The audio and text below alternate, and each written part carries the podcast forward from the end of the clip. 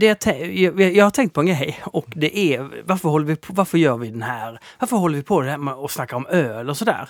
Eh, sommaren har ju gått och jag, jag tänkte på det, varför snackar vi inte bara om att knulla? Alltså bara 666. Alltså, det är en, alltså egentligen, om du tänker så här, vad är, vad är hjärnan inriktad på? Med, om vi har, vi har ju inte så mycket testosteron, men det lilla testosteron vi har. Eh, vi pratade om det i ett tidigare avsnitt. Hur den här mannen, professorn som Just det.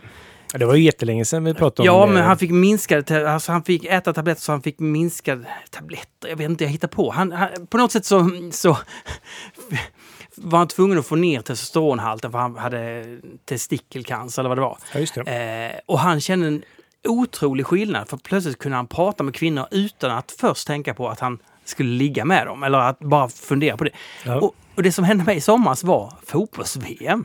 Ja. Nej, men det, det som var så märkligt att sitta och titta på eh, på tv så springer det ut alla de här spelarna. Mm. Och, och det, det är ju inte som att jag sitter där och, och funderar på att jag ska ligga med den och den och den. Nej.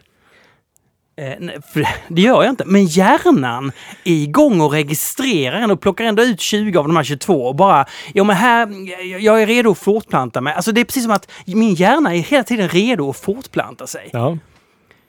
Och då tänker jag det här med, varför ska vi, ska vi ha, ska vi ha den här ölpodden liksom? Ska vi ha, va? Helt enkelt en fortplantningspodd helt Nej, enkelt. men, nej, men det jag tänker, nej, men, men då kan man ju vända på det. Mm. Det blir väldigt, om man ska hela tiden i varje situation, det, det är det enda man ska man prata om. Alltså, det vi gör är ju att distrahera oss från det.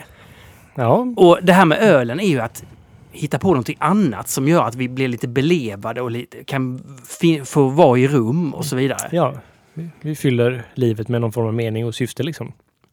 Ja eller nej, alltså meningen och syftet det är ju det som jag nämnde. Ja, okej, okej, ja. ja. men, Men, att, men jag tänker att det här kanske är ett substitut för att vi ska ha något annat att tänka på. Liksom. Fylla hjärnan ja, med. ja, det är precis så jag menar. Mm. Alltså att vi, det här är bara en flykt. Så att vi ska få lite sinnesro. Alltså vi ska kunna... Ja, Ja. jag vet inte. ja, men det kanske stämmer. Jag tror, men det kanske är samma med eh, när jag sitter och gör musik eller... Alltså Ja. hela den... Ja, men man kan ju, alltså, jag kan ju ibland... Jag kan ju gå långt in i mina hobbys. Mm. Vilket öl då till exempel är ett ganska bra Ja, och exempel vi på. vet ju anledningen. Ja, men precis. eh, nej, men det är alltså ibland så kan man ju bara stanna upp och bara varför håller jag på med det här till den här förbannade nivån liksom? Ja, Vad, är, vad är meningen med det här liksom? ja. Man kan ju få en lite existentiell... För det är ju ganska meningslöst i, i, i det stora hela egentligen. Ja, Ja. alltså Terence Trent D'Arby, kommer du ihåg honom? Nej, det- Sign your name across my heart I want you to be my baby. Kommer du ihåg den? nej, jag har Nej. nog aldrig hört den tror jag. Eh, Det var väl kanske 93 han slog... Ja, då var jag nio år gammal. Ja, du är ung, Olle. Hur som helst, han, han, var, han var i en intervju i P3. Jag körde glassbil då eh, i Skåne, nere i Skåne. Och körde runt och lyssnade väldigt Har du mycket. gjort det? Ja, lyssnade på Inte det. han, nej. Nej, det gjorde jag inte. Eh, och, och då var det det här P3-programmet Vox. Ja, just, ja, men det kommer jag faktiskt Det ihåg. kommer du ja, ändå det, ihåg. Det minns jag faktiskt. Ja, okej. Eh, och då var det en intervju med honom och då sa han bara, men vad, hur, du håller på med musik, hur, varför det? Ja, det är bara för att ligga liksom. Det är... Jag, jag kan nog säga väldigt ärligt att jag har nog aldrig sysslat med öl för att få ligga faktiskt. Nej, jag, och jag tror dig. Ja. För det hade varit... jag kanske har gjort andra saker i mitt liv för att få ligga mer eller öka chanserna men öl är inte en av dem. Eh, man säger åh, man blir så tri trist när man får barn. Då, då, då förlorar komiker, när, när de får barn då blir, får de sämre skämt, de blir tråkigare. Det är klart de, de behöver ju inte visa sig. Alltså, de barn behöver är ju inte, ganska roliga har jag insett. Va? De, barn, tänker man, borde få mycket material från barn. Nej, ja, det borde vara så, men du har inte samma... ehm, kan, alltså testosteronet sjunker ju också Okej. eh, när du blir f- fäder, fader, fader. när du, eh, nej, ja, och då, då finns det ingen anledning att eh, visa upp det, att vara festlig, att vara... Nej, man har gjort sitt liksom. Ja, Ja, Ja. man har gjort sitt syftet. så är det.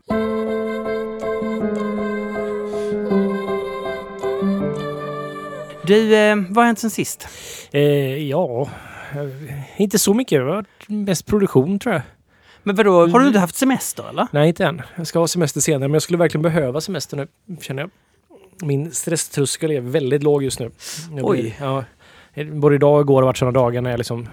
Så fort det blir lite motgångar så bara vill man bara gå hem och lägga sig under täcket i stort sett. Är det, eh, ha, eh, är det jobbigt för omgivningen då eller? Ja, det är det väl säkert lite grann. Men Nej, men jag vet inte, jag skulle faktiskt behöva. Vi har, vi har haft ganska högt tempo det senaste. Vi, har, vi lanserar ju Pivot Pills här nu snart. Mm i första september eller något liknande. Ja, på Systembolaget. Ja, vi mm. har behövt brygga jättemycket pilsner då inför den lanseringen för ja. de behöver 25 8000 flaskor eller burkar. Oh, vad roligt! Ja, det är jätteroligt. Är det. Men det betyder att vi har bryggt väldigt mycket pivot det senaste och ja. behövt göra det på ganska så här, tajt schema liksom.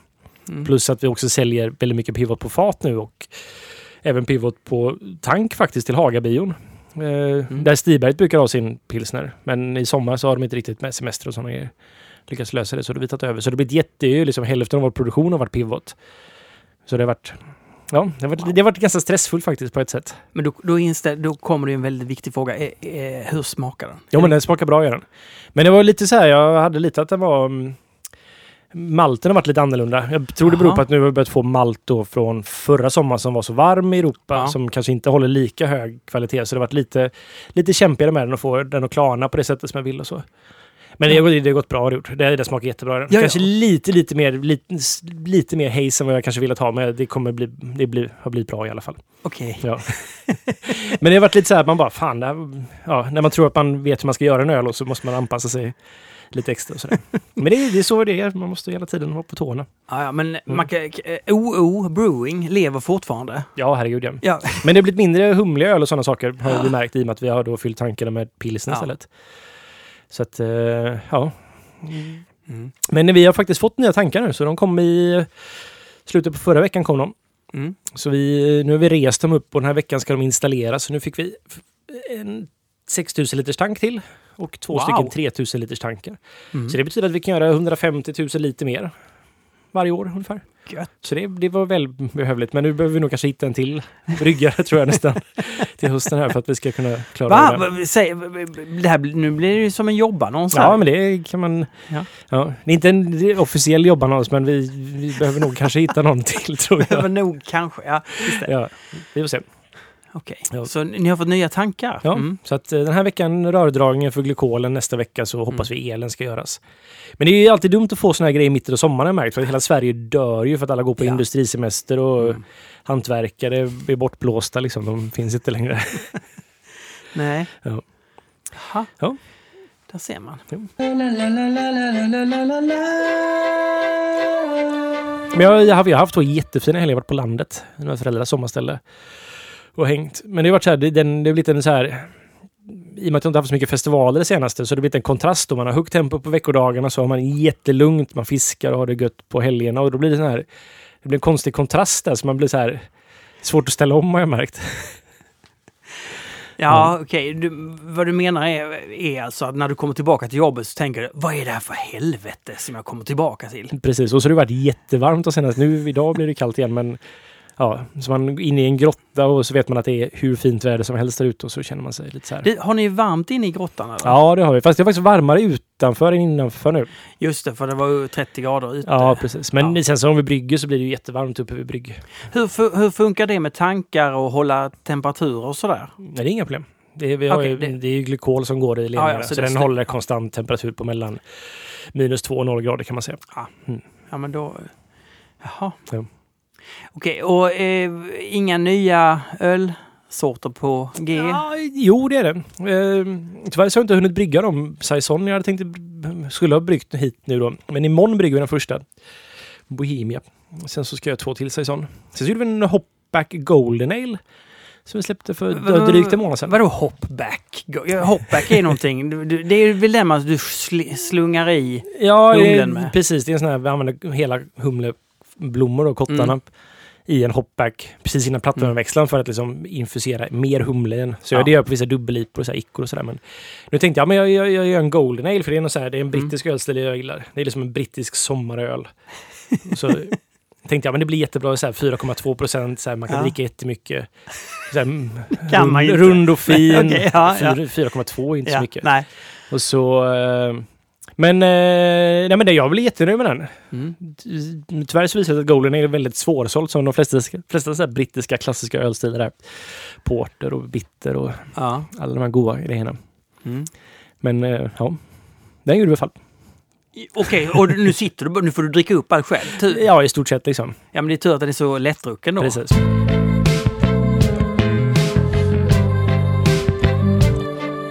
Jo, nu fick vi in lite frågor och Ja. med tanke på att du säger att du brygger så frågar Krokodil-Tony, eh, har ni kommit fram till vilken gäst ni ska använda, du, ni ska använda framöver? Du vi gjort- berättar ju att Det har vi gjort faktiskt. ni har kommit fram till det. Ja, det har vi gjort. Är det hemligt? Nej, det är väl inte hemligt, men eh, vi använder London Fog från White Labs. London? Jaha. Ja, det är en ganska ja. vanlig öl, eller yes, Ja. ale-gäster då. Okej. Så att eh, det är en av de här New England-gästerna då. Men det är en brittisk öl, eh, ale-gäst helt enkelt, som Mm.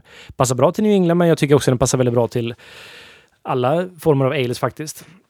Jag har lite mer eh, sötma i sig än vad eh, S04 som vi använde tidigare hade. Sådär. Men det kan man styra också. Men mitt problem har varit med den här gästen att jag kan tycka att den lätt drar iväg i en form av alldeles för typ persikaton liksom. Så här. Eh, och eh, jag har försökt hitta ett sätt att jäsa den då som jag håller ner estrarna lite för att lämna mer plats åt ren humlekaraktär. Men hitta den här balansen och det var därför jag liksom var lite så här att jag testade mig fram med den. Jag var inte helt säker på om jag skulle använda den. Men jag tycker jag har hittat ett bra sätt att Men, men är inte persika ganska gott? eller? Jo, men det kan, om det blir för mycket, alltså väldigt ofta när jag dricker många New England IPA så kan jag tycka att gästen är nästan för dominant, liksom att den tar Aha. bort lite. Så här, jag gillar den här integrationen mellan gäst Mm. och humle, men Mm. att man får esterna, de här fruktiga tonerna från gästen, men det får inte bli för mycket. Och ibland så blir det bara den här att det smakar liksom som honungsmelon och Mm. och då tycker jag det blir lite enformigt på något sätt. Då smakar nästan alla... Då är det väldigt många öl idag smakar väldigt likadant på grund av att gästen får bara stå för lite för mycket tycker jag. Ja. Ja. Men, det är, men det är ju helt min egna privata...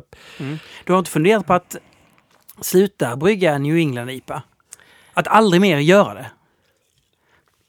Nästan som ett statement. Jag ska aldrig mer göra det. Men Nej. skitöl, jag vill inte hålla på med den. Det hade varit väldigt dumt för det, jag gillar ju New England IPA på det sättet så här, men alltså jag, jag, jag tänker mycket på hur vi, jag vill hålla vår New England IPA så gör den att eller vår tagning på det liksom. Och jag har väl lite mer beska, jag har den lite torrare kanske än vad många. Och kanske håller ner esterna lite mer så att den blir någon form av inte hela vägen New England, men 50 procent i alla fall.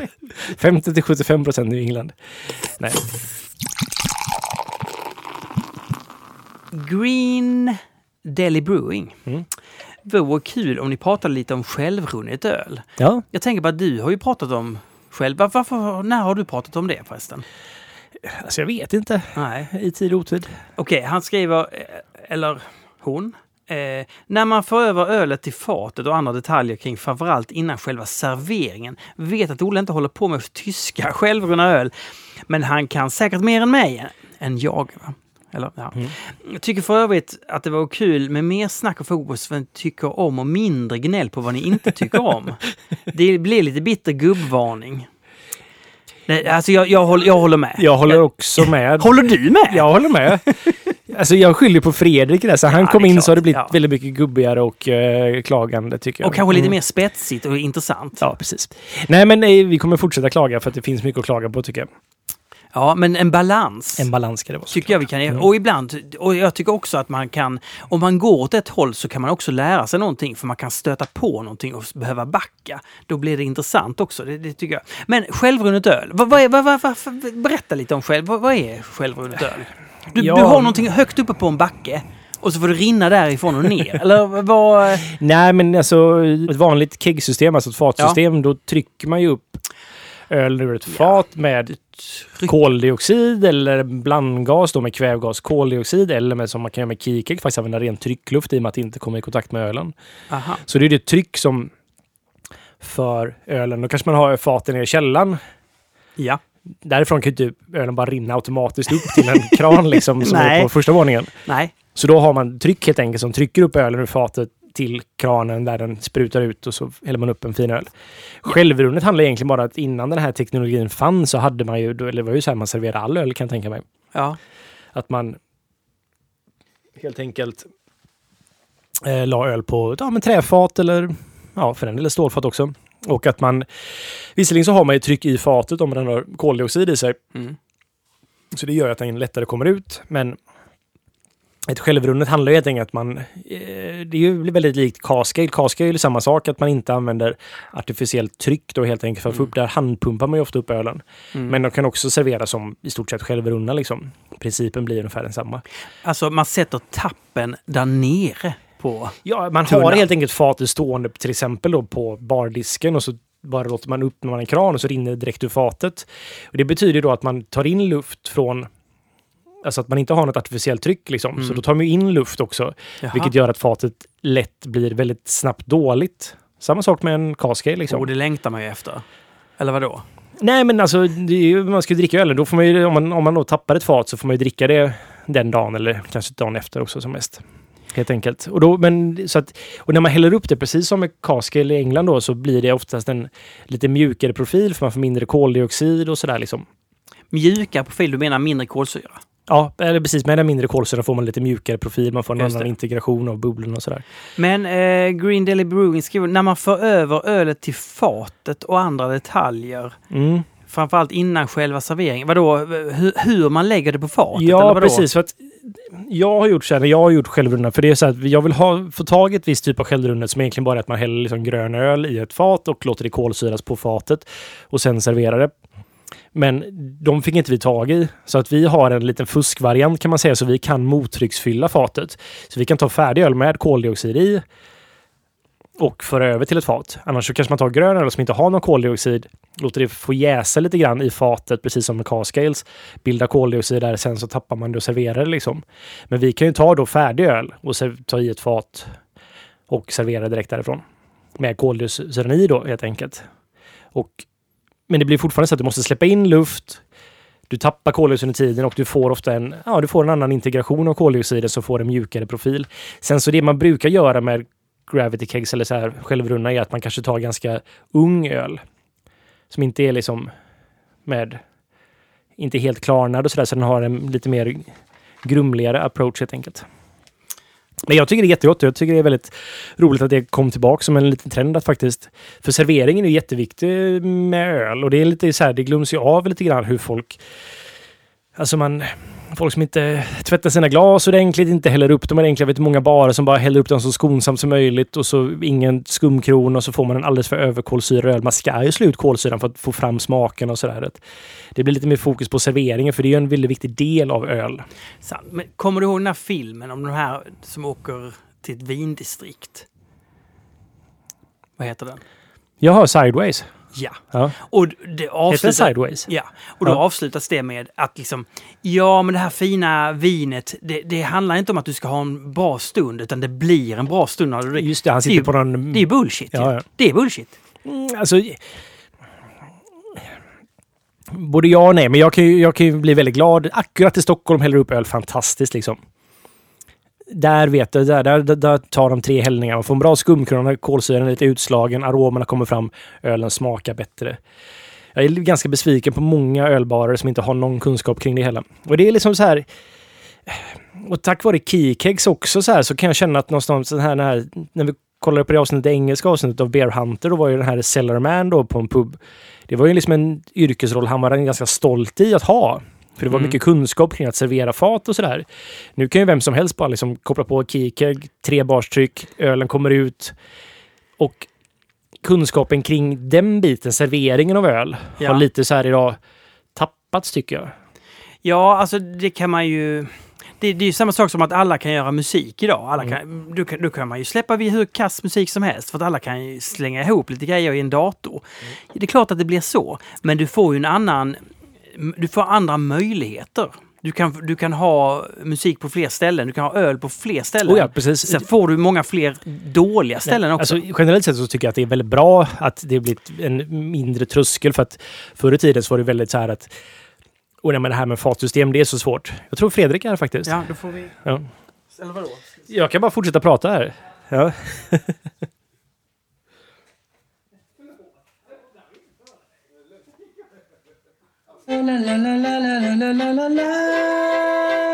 Jo, men som jag sa, generellt sett så tycker jag att det är en ganska bra grej att det har blivit en mindre tröskel för att barer ska bara kunna ha sin egna fatanläggning och servera öl och sådär. Att det blir lättare för dem och de inte behöver knyta an sig till de här stora drakarna som står för hela konceptet och liksom kunskapen kring att driva ett, en bar med ett fatsystem och sådär.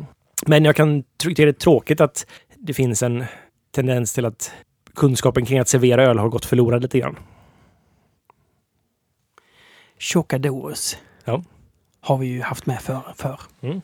Känner du Chocadores? Kanske, jag vet. Lämnade ju öl till mig på eh, i första november där på Okej. Stibergsfesten. Ja. Jag har säkert träffat personen men jag vet inte. Jag, Nej, jag men- kan inte översätta alla s- Det är väldigt härligt. Jag cyklade. Jag skulle träffa... eh, Jag skulle vara på väg att mixa lite grejer på Studio Lokal med. Alltså cyklade jag förbi och bara... Tjena Martin! Var det någon som bara stod i gatan och bara Tjena Martin! Grym podd! Och så bara cyklade jag förbi. Tack, tack! Så, Ja. jag ty tycker det livet har blivit lite bättre så man, man får sådana. ja, men det, det, det gör ju en dag faktiskt ibland. Ber om ursäkt.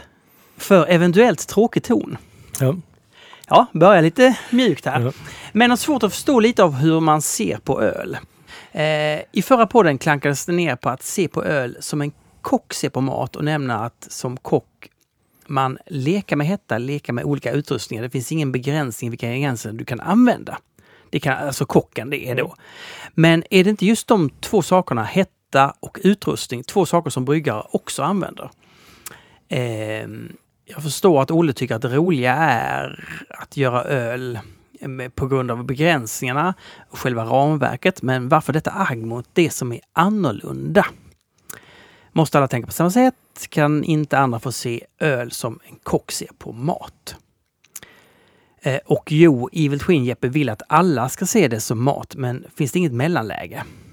Oj, Nej, men, ja, ja, nej, just det. Alltså, jag, jag, jag kan hålla med om att eh, det, det, det handlar ju inte om att gnälla på att folk testar saker, gör och gör tokigheter som, en, som man kanske själv tycker verkar vara blä.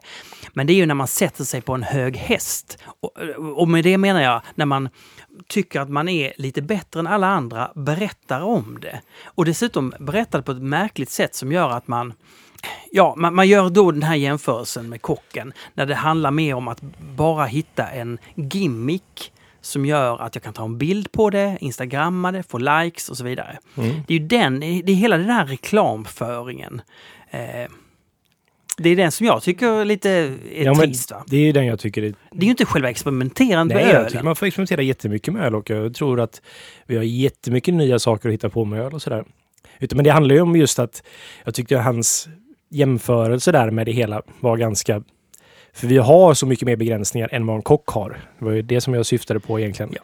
Och, ehm, men jo, det är ju det här att det blir, en, det blir väldigt mycket gimmick och kanske mindre substans i det hela än vad det låter som när man beskriver det. Och det var ju det som var poängen med min rant förra gången. Ja. Den var ju lite, det var en hot take om man ska man vara helt. Samtidigt, Chocadois, så tar vi, vi tar detta ad nota. Ja. Eh, alltså, vi, jo, men det är klart att man ska vara lite, lite förs försiktig, inte gå på och tycka att eh, nymodigheter är, är blaha blaha, för det, det är också bara löjleri. Mm. Eh, men nu är inte Fredrik i rummet, va? så att då kan vi säga sådana saker. Eh, eh, ett tillägg här också, i avsnittet om IPA, Mm. det är ju hundra år sedan va? ja, Eh. Tyckte Olle att det var konstigt att man börjar kalla alla stilar med mer humle för Indien någonting och undrar vad Indien har att göra med typ India Pale Lager. Trots detta produceras nyligen en India Porter. Så hur viktigt är det egentligen med klarspråk? Och vad har egentligen Indien att göra med den portern? Jag, vet, jag vet inte riktigt. Jag, jag, jag, Nej, vi gjorde en India Porter nämligen med eh, Keys, ett bryggeri från... Eh, Ni gjorde en, Ja, ja. ner från Nederländerna. från, eh, från Zeeland faktiskt. Alltså inte Nya Zeeland utan gamla Zeeland helt enkelt. Ah. Ute på öarna där. Mm. Men, eh, nej, men där valde vi att, eller jag valde att kalla den India Porter för att vi gjorde en humlig porter helt enkelt. Mm. Och ehm, alltså det, jag klagade kanske inte så mycket på att det just var namnet India utan det var nog mer IPA. Som det handlar om att man lägger liksom som Black IPA. Och det här var ju ett sätt för mig att inte behöva säga att det här är inte en Black IPA för jag tyckte inte det var en Black IPA för den var mycket rostigare än vad en Black IPA ska vara. Men det var att man lägger till IPA till allting. Session IPA. Ja, Och så här, utan det, India var ju det här sättet för oss att markera att det hade mer humle i sig helt enkelt. Och jag valde att ta den här termen för att dels har Keys gjort en väldigt god India Porter tidigare, vilket var en anledning till att vi ville brygga den här stilen. Eh, och även, sen tycker jag att det finns en India Porter som är väldigt bra från Colonel också. Så jag tycker att den termen funkar rätt bra på att beskriva en humlig porter. Liksom. Och då ska vi inte glömma att Colonel är ditt eh, engelska favoritbryggeri. Ja, men det är det. Eh, Johan Ternström Mm. vill att vi ska prata om gushers. Ja. Alltså flaskor som översvämmar när man öppnar dem. Översvämmar dem? ja. Det, det kan hända. Vad, vadå? Vad, Ja, men det är om de är överkolsyrade så kan de ha... vad är en gusher? Alltså det är när man öppnar en flaska, en kork Ja. liksom och så sprutar ölen ut liksom eller att den börjar liksom bubbla upp ur i Ja. ölen. Och det är ju så här att när man släpper trycket på en, när man öppnar kapsylen så går ju en ifrån att vara en trycksatt miljö Ja. till att bli icke trycksatt. Och om man har väldigt mycket löst koldioxid då i själva flaskan, för mycket, Mm. så kan detta helt enkelt göra att ölen sprutar ut. För mycket koldioxid löser ut så att ölen bara rinner över. Men då är det fel till tillverkning. Ja, det skulle jag väl säga att det är liksom att då... Om, man har, om det verkligen blir så för mycket så här så är det för kolsyrad helt enkelt. Och om man flaskjäser en öl till exempel så har den flaskjäst för mycket. Att man kanske har haft någon bakterie. Att den kan varit liksom, det vanligaste orsaken till detta är att den är infekterad. Så att det är ju ett dåligt tecken. Sen så kan jag tycka att väldigt högt kolsyrad öl får ju ofta lite gusher-effekt hur som helst. Liksom. Men då är det mer att den, inte så att den gashar ut, utan det är mer att det kanske bubblar över lite grann. Men högt kolsyrad öl kan ju göra det, men sen så om det är alldeles för mycket tyder det ofta på en infektion helt enkelt. Eller dåligt handhavande av bryggeriet. A pint per day. A pint per day. Ja. Hej, jag är intresserad av att veta vilka ölsorter som säljer respektive inte säljer samt era analyser kring varför. Ja, allting med IPA i säljer vi bra.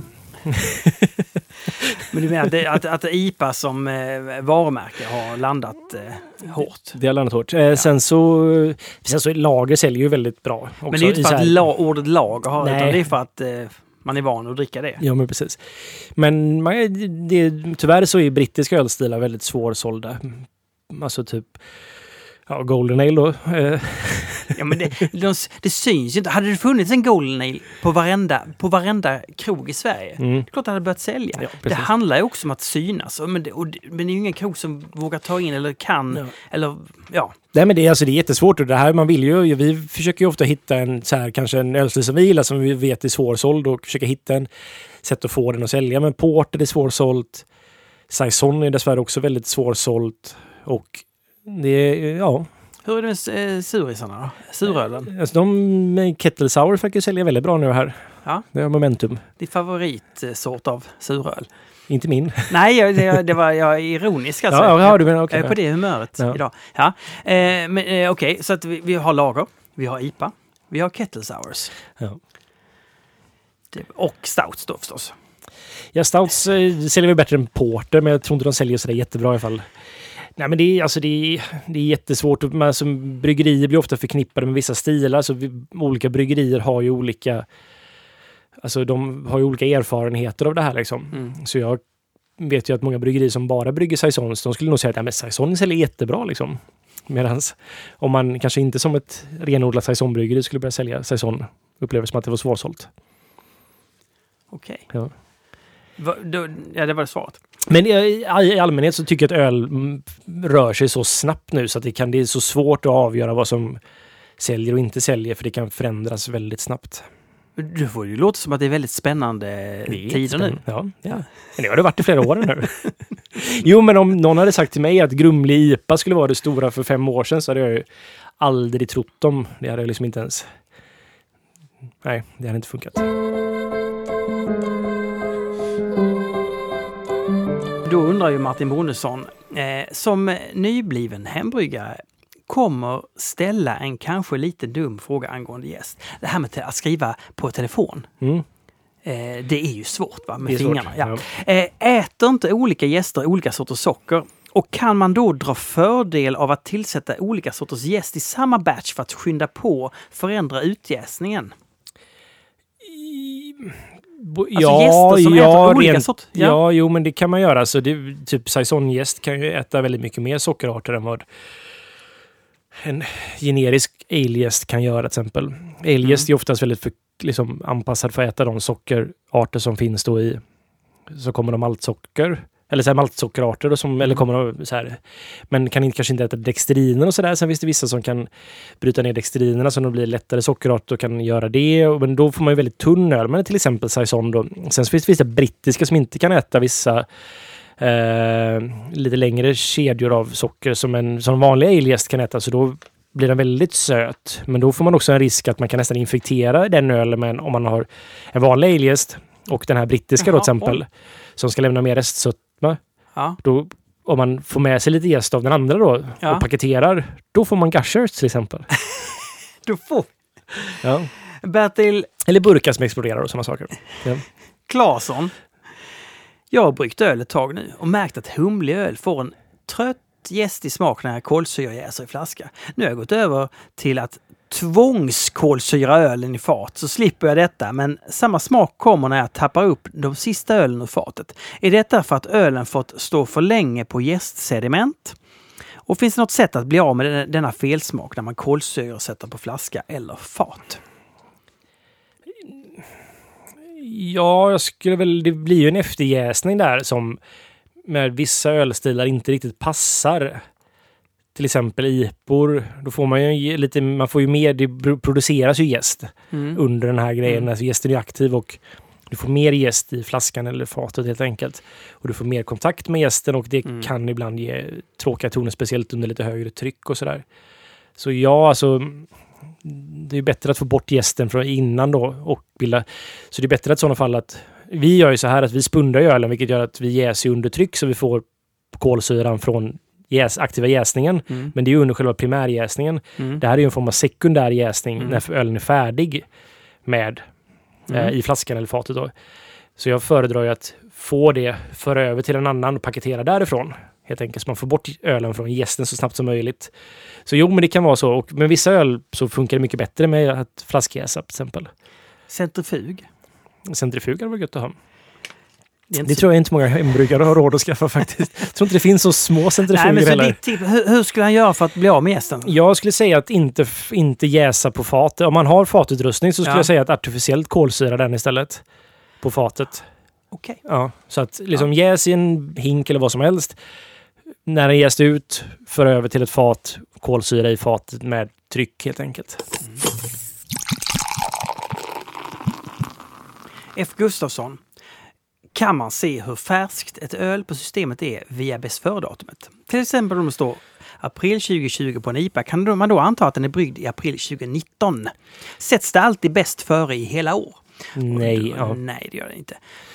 Utan det här är ju det är ett stort problem tycker jag faktiskt i att vi inte har någon form av branschstandard för det här. Jag skulle upp, ja, vi försökte göra det men sen så var det problem med stämpeln och grejer för att få två det, alltså, Att, att Ja, du alltså, ville sätta till, tillverkningsdatum? Ja, eller born on date då, alltså buteljeringsdatumet. Ja, ja. På humleöl sätter vi ett halvår, på Mm. lager sätter jag ett år, på typ Baltic Port sätter jag två år till exempel. ja, Och vissa år, eller typ som Longboard Balmer sätter jag liksom tio år. ja. Men så det varierar ju för ölstil. Men du så hittar på det egentligen? Aj, det är helt godtyckligt. Ja. Ja, det är det. Mm.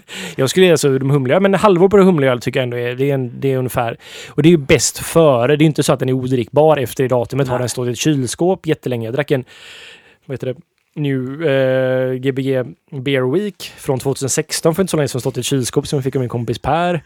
För inte så länge sedan tillsammans med Fredrik. Och Ja. den smakar ändå helt okej. Jag var så här, ja. så att har du den bara kallt så håller den väldigt mycket längre. Alltså det är ju verkligen, öl ska vara kall konstant.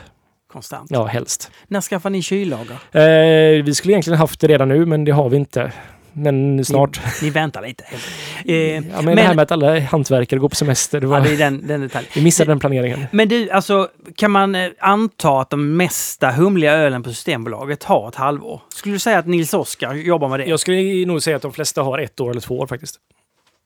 Ja, jag, jag, vet, jag gissar nu, men jag tror det. Nej, men Oppigård skulle inte göra så i alla fall. jag skulle nog säga att de har ett år, tror jag. Ja, och det är för att de gör så bra öl som håller. Det är inte som du. De har den lägsta syrenivån i branschen i alla fall, så att, eh, det håller bättre. Jaha, då skriver Pontus Vr. Pontus Vr. Ställ frågan Martin. Har vi exakt datum på när Pivot Pill släpps? Eh, inte exakt, men jag, jag tror det är, liksom, det är de första dagarna i september. Och då vet du vad Pontus Fre- tänkte anordna en releasefest i Stockholm. Är det sant? Men vadå? Hemma hos sig då? Ni båda är givetvis inbjudna. är det i Pontus lägenhet som du och jag kan titta förbi? Och då har han en liten releasefest hemma hos sig. Det är ju jättefint faktiskt. Uh... jag, Ja. vet, jag tror jag faktiskt har semester just då, men eh, annars hade jag gärna kommit.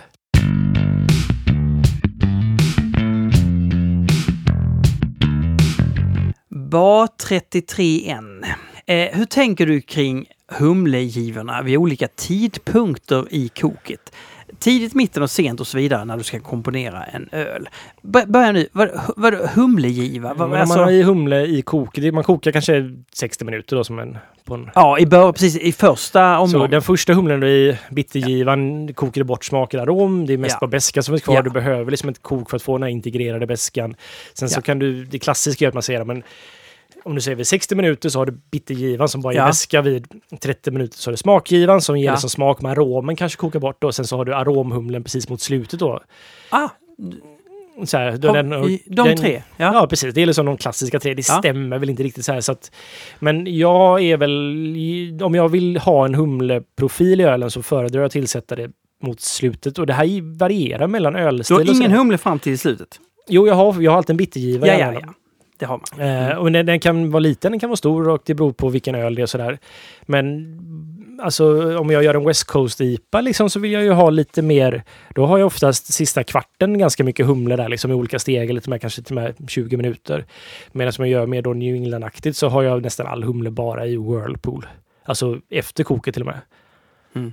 När det fortfarande vörten är 100 grader men Är det det vi kallar torrhumling eller? Nej, det kommer sen jäs- efter jäsningen är klar. Ja. Eller under jäsningen om man känner för det också. Men i kort sett så ja, det varierar med ölstil och syfte med ölen helt enkelt. Och hur, vilken typ av integrerad beska jag vill ha sådär och hur jag vill ha smaker. Men eh, jag gillar öl med att man har i mot slutet där liksom, de sista 20 tycker jag, om man ska ha en bra humleprofil på den. Om man vill att humlen ska synas så kan jag tycka att det är fint att lägga upp den i lite olika lager där mot slutet. Och med synas menar du smakas? Ja, precis. Eh, Rickard Sell tycker det skulle vara intressant att höra om ekonomin och eventuella avtal bakom collabs. Hur fördelas intäkter och kostnader och vem äger rätten till ölet? Men det, kan, men det kan ju vara intressant om till exempel eh, om ett eh, hypat bryggeri från New York kommer hit och Ja. brygger med dig. Alltså det här det beror lite på syftet med en...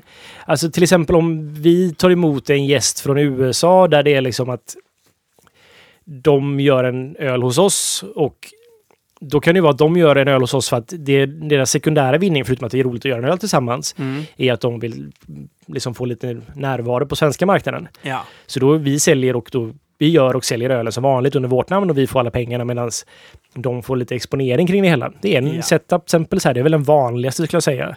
Och då, då bygger det kanske lite på att ni har bokat in att du åker över till dem nästa gång och så gör ni motsvarande grej där. Ja, men lite så precis. Man får lite, man, man, och man, på det sättet går det jämnt man upp. tar hjälp av varandras varumärken för att få synas mer helt enkelt. Det är lite av en idén bakom en collab, Mm. förutom att man också, det är roligt att göra collabs ibland och ibland inte, men ja, för det mesta så är det ganska roligt att göra collabs. Ja.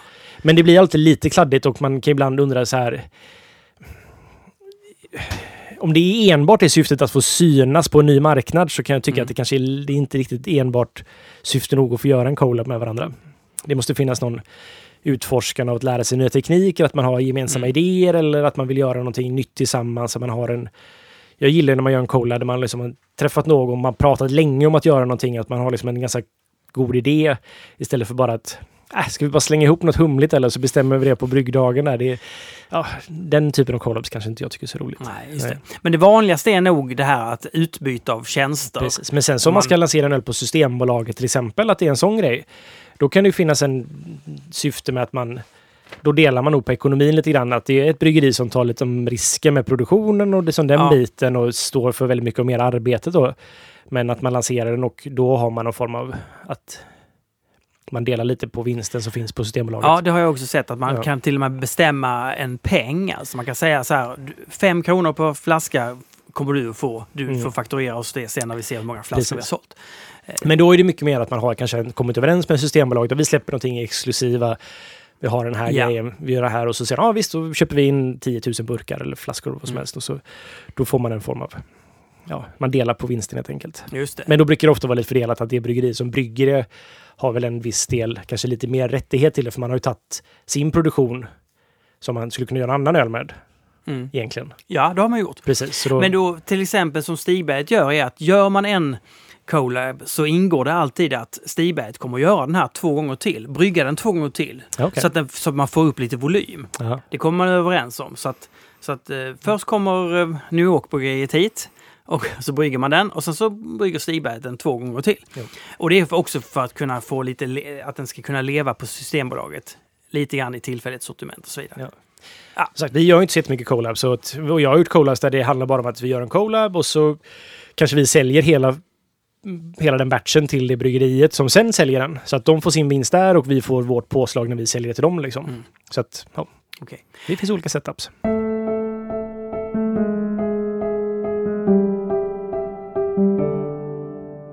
MB Gren. Mm. MB, MB Gren. MB Gren. När jag kylt ner min vört, pumpat över den till jäshinken så brukar jag köra med en paddel och skruvdragare för att syresätta vörten innan pitchning. Ja. På det sättet så utsätts ju ölet för rätt mycket syre och det bildas en hel del skum. Mm. Jag vet att eh, du sagt i tidigare poddar att man ska undvika syresättning och skumbildning. Vad är din åsikt om detta? Tror du att syret är tillräckligt för att starta jäsning utan att vispa runt i? Man, man behöver ju ha en, eller inte behöver och behöver, men det är bra att ha en viss andel löst syre i en vört när man pitchar gästen. För att gästen ska må bra. Den behöver det till sin celldelning och sådana saker för att bilda Aha. smaken och sådär. Mm. Och för att det ska bli rätt smaker. Så vi tillsätter ju ren syrgas efter plattvärmeväxlaren när vi för över till en jästank. Som hembryggare brukade jag skaka mina Va? som fan. Då, men det är inte så jättebra då. då. Men då får jag ju ner syre i den. Ja, Och, men det var ju brist på annat liksom. ja, ja, ja jag Jag, förstår. inte, jag var inte så rik så jag hade inga pengar till att köpa en kolsyresten. För det kan ju vara det bästa att man har en liten... För att om jag skakar den så bildar jag mycket skum och desto mer jag skummar en öl innan jag häller upp en öl, desto mer har jag förbruket av skumbildande faktorer. Åh, och du vill ju spara på skummet. Det har du Exakt. berättat. Ja, Det här är, åh, du är en sån skumälskare. Så jag skulle ju säga att man ska liksom försöka syresätta den utan att skumma så mycket, men du måste ändå syresätta. För det är viktigt. Så att det man kan göra, man kan köpa en liten kolsyre, eller en syresten, Mm. ha en flaska med komprimerad då, ren syrgas. Man bara stoppar ner den här med lite slang och så bubblar man in där liksom i det. Då kommer man skumma, men det är inte hela världen. Men det skulle jag nog säga att det är det bästa. Men en paddel och en visp funkar också. Så länge man syresätter. Jag skulle säga att det är bättre att syresätta än inte göra det. Även om man skummar det. Trollrunans bryggeri. Ja, ja. Eh, frågan lyder, jag hade velat ha ett avsnitt som är liveinspelat på Bruce Gival. Mm. Nu har han ju taggat Bruce Gival, så att det innebär väl att de ringer väl dig och bokar in. Jag ska faktiskt inte på Bruce Gival. För första gången. Du ska... Nej, jag, jag ska faktiskt vara i Grekland den helgen. ja, du, På semester. Det var jag och min flickvän. Det var liksom Ja. den helgen vi kunde Det gemensamt. svinbra. Då, då, kan, då kan jag säga att det blir, det blir ingenting med det, tror Nej, det blir tyvärr ingenting med det. nej. Kanske nästa år. men det är jättetråkigt att jag faktiskt missar Bruce Gival. Jag Ja, men- tycker ja, att det är en Men fantastisk tänk om festival. Fredrik och jag åker ner och gör ett... Ja, det får ni gärna göra. Oj, vad crazy! Okej, eh, snart ska du få komma in Fredrik. Det är bara fyra frågor kvar. Nu jobbar vi. Vi brukar Ja. göra så här att eh, Olle och jag spelar in i början och så, då får Fredrik gå här fram och tillbaka utanför.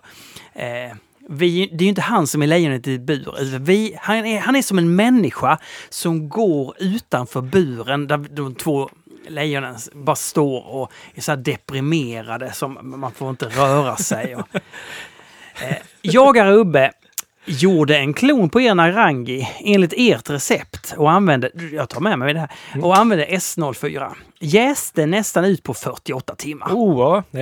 Det var snabbt. 21 grader i jästanken. Är detta normalt? OG 1.058. ja. Börja köra lägre temp för att inte stressa gästen så. Ja, jag skulle nog säga att han ska jäsa på 18 grader om man kan det. Ja, För då, S04 kan ju verkligen jäsa ut på två dagar som man märkte där. Den är, det är en snabbjäsare.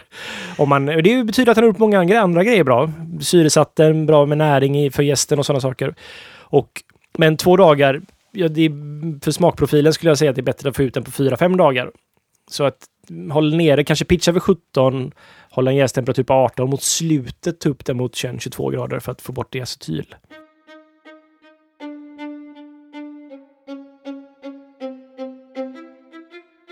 Bas Brewery. Det här med att blanda svenska och engelska. Ja, Ska vi göra det? det kan man göra. Kan man. Eh, hur ser er process ut för vattenbehandling? Använder ni en water dereator anläggning för allt bryggvatten? Vad är er åsikt kring low oxygen brewing metodik? Lodo. Ja. Eh, vattnet först och vi kör Göteborgsvatten rakt från reningsverket. Ja, ja, det är redan vattenbehandlat. det, är- det, det, I reningsverket. Ja, det, jo, det är det ju faktiskt. Men Göteborgs vatten är stabilt och bra för det mesta. Det har väl hänt någon gång att jag känt att någonting har varit lite så här Men en water dereator anläggning Nej, har det har man inte. Alltså, Nej. det har man, vi har ju inte så mycket, alltså, de inte, det smakar inte klor i vårt vatten och sådana saker, så vi behöver inte göra så mycket med den biten. Och sen så är jag ganska nöjd med saltprofilen då i Göteborgsvattnet och den är också ganska stabil. Så att funkar bra för IPA och för mörköl så behöver jag tillsätta lite kalciumkarbonat eller något sånt där liksom. För att få upp pH. Men så att för det mesta så, men sen så tillsätter jag ju kalciumklorid och kalciumsulfat i ölen för att öka så att det är som att Göteborgsvattnet är ganska lågt på allting. Vi har lite av allting. Mm. Så man, det handlar att mera tillsätta saker än att ta bort saker, helt enkelt. Mm. Och åsikten kring low oxygen brewing metodik? Ja, alltså, jag har väl inte en sån där jättestark åsikt kring detta, för jag har inte så... Alltså det, det här är ju en, det är en hembryggargrej det här egentligen, skulle jag vilja säga. Och det handlar om att man försöker hålla allt syre borta så mycket som möjligt när man hembryggar. Och det skulle jag vilja säga är en generellt en ganska bra idé, för att i och med att det är så små volymer så blir ju den syret man utsätter för blir ju proportionerligt mycket mer än vad det blir för mig när jag har mycket större kärl. Så Mm. att det finns en poäng med att ha det som hembryggare. Sen kan jag tycka att jag läst på en del av de här forumen och lite bloggar och det, de, det kändes som att de gick lite till överdrift faktiskt. Okej. Så att, eh, men ja, jag tycker att man ska hålla ute syre så mycket som möjligt. Men när jag brygger så tänker inte jag så mycket på det, utan jag har mitt bryggverk som är byggt på ett visst sätt som där jag kommer utsätta ölen för syre såklart. Men i och med att det är så stora volymer så blir den här liksom ration till det blir ganska liten jämfört med som hembryggare då. Ja. ja. Så att det är kanske viktigt att tänka lite mer på det när man är hembryggare än för att vi får det ganska naturligt genom att vi bara har stora volymer. Okej. Mm. Olof Loof. Olof Loof. Jag hör gärna på vad ni tycker om alkoholfri öl. Tycker själv att det kommit många alkoholfria öl som är goda de senaste åren. Hur går man tillväga för att göra till exempel en alkoholfri IPA? Kan man göra det som hembryggare? Eh, alltså igår går det säkert att göra. Eh, personligen så har jag aldrig druckit en alkoholfri öl som jag skulle säga uppskattar ens. Liksom. Jag föredrar att dricka vatten i sådana fall om man ska dricka alkoholfritt. Ja, men, jo, men någon gång har du väl druckit någonting som var ganska bra? Nej, alltså typ inte. Nej men de här Mikkels Drinking in the Sun som är liksom gjord med jäst Ja. då, som det tycker jag är det bästa alternativet när man får liksom den, den producerar inte etanol då så att den gör ju ändå en jäsning men annars är det att man tar ju bort alkoholen ur låg alkohol eller eh, non-alcoholic beer. Ja. Och det kan man göra genom osmosfilter och det finns, jag, jag kan inte det här så jätteväl. Men, Jag, jag kollade kall, alltså den här, det finns ju den här när man inte jäser någonting alls. Att man har en kallkontaktmetod. Där Ja. man, eh, man kyler ner så att det inte det det blir någon jäsning. Ja, okej, man, man avbryter jäsningen så, Ja. då, men då kommer det smaka vört liksom. Det, det, är det, som, det tycker jag inte alls är gott faktiskt. Det är inte Nej. så gott. Men så, så finns sån här, sån här eh, filtrering, alltså med membran där man eh, kör på en mikroskopisk nivå Ja, men det, det är nog sådana osmosfilter tänker jag. Då, Ja, drar, och då, då- drar man ur alkoholen Ja. liksom. Ja, Men då, då förlorar du mycket arom och estrar. Eh, det gör man också. Så jag, jag skulle säga att jag, jag tycker att alkohol är en viktig del av öl. Så jag tycker att det, det, det är roligare med andra alternativ som alkoholfria alternativ än alkoholfri öl faktiskt.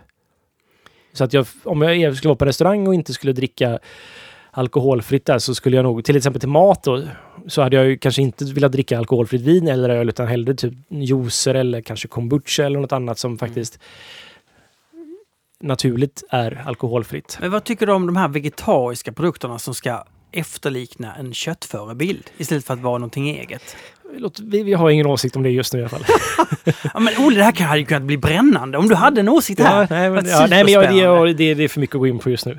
Nej, men det, nej, men det jag vet inte, men just alköl, så jag tycker att alkohol, även om man har väldigt låg alkohol, så är det en integrerad del av processen där någonstans som är det blir lite konstigt när man tar, behöver ta bort Vi det. Liksom. säger inte mer om det. Nej. Det ska vara alkohol i öl. Jättemycket. Eh, Bearded Gents. Ja. Eh, lyssnar man på amerikanska poddar, det gör man väl inte va? Jag gör det. Jaha. Eller läser böcker om ne- nejpas, det gör Mm. man inte. Det händer. Ja. Eh, Men då är det i alla fall nästan alltid shit-malt. Mm. Shit, C-H-I-T-malt med i receptet. Vad är Olles erfarenhet av den malten? Eh, jo, jag har använt shitmalt jättemycket. Har du? Ja, jag har använt jättemycket shitmalt. Jag Jaha. använder det i... Men det är alltså... Shitmalt är ju liksom en... Det är en tysk malt. Spitsmalt Mm. kallas det också som man... eh, Den är liksom... Li, den är så lite mältad, man alltså den är mer omodifierad än vanlig malt. Så att den är så, den, det är som tyskarna, för att istället för att kunna använda omältat grejer som inte tyskarna får göra i och med att de har Reinheitsgebot, Ja. så har man shitmalt som är som så lite mältat, man bara kan mälta det liksom.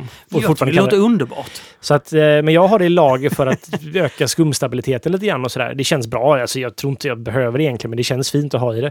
Men jag har aldrig sett en referens till att man har det i New England-IPA faktiskt. Men jag har hört folk säga det. Jaha. Och det funkar säkert jättebra. Det är ju som att använda...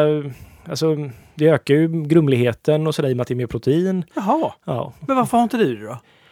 Så jag använder, jag använt vete och sådana saker istället. Jag har aldrig riktigt tänkt på att använda en... eh, Det kanske är dags att prova det, New England-IPA helt enkelt. Men det är, det är ganska intressant malt, så det är väl inte superlätt att få tag i tror jag. Bara.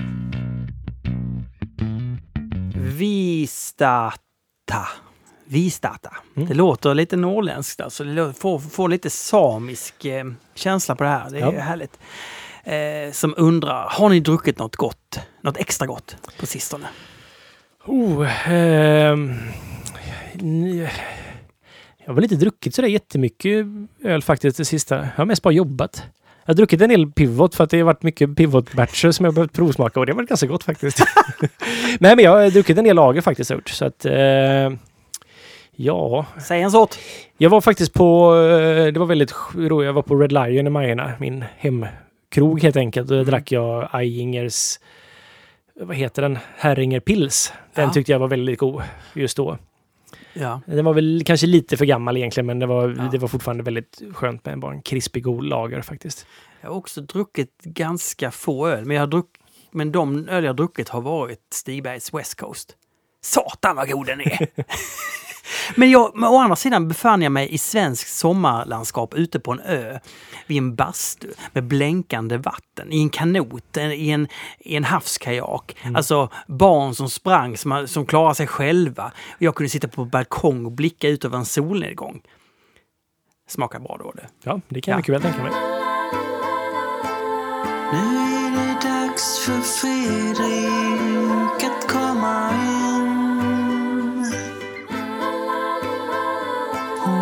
hela skiten. Ja, Fredrik, vad hittar du på i sommar? Eh, Ja du, jag har varit i Finland en vecka. I finska skärgården. Vad, vadå, i Finland en vecka? Mm. Var- Kan man vara där? Varför ska man inte kunna vara där? Eh, jo, i finska skärgården har jag varit. Eh, Ja. Min mamma är finlandssvenska så hon har en ö i finska skärgården. Så är vi där varje sommar. Ja, ja, hon, Fiskar. har, hon har en ö i finska skärgården bara. Ja, hennes eh, föräldrar Mm. hade den. Hon fick ta över den. Okej. Så är vi där varje sommar. Är det då, vilken del av Finland är det som är... Det är, det är den svensktalande delen av Finland. Det är Åbolands skärgård. Så det är ganska nära. Det är mellan Åland och Finland nästan. Just det. Så långt söderut man kan komma. Eh, ja, det är fint. Försökte få tag på Sahti till er, men jag misslyckades. På Alko, alltså Sahti Alko. Ja, ja. Men jag ska försöka få en flaska hit av mina föräldrar. Det hade Ska varit jättespännande. Vad, vad är det? Det är som den här typ finsk gotlandsdricka. Som finsk farmhouse-öl. Ja, ja. Finsk farmhouse-öl. Ja. Enbär och grejer. Enbär och rökt och jäst med bakjäst. Och ganska äckligt, men och, och gott samtidigt.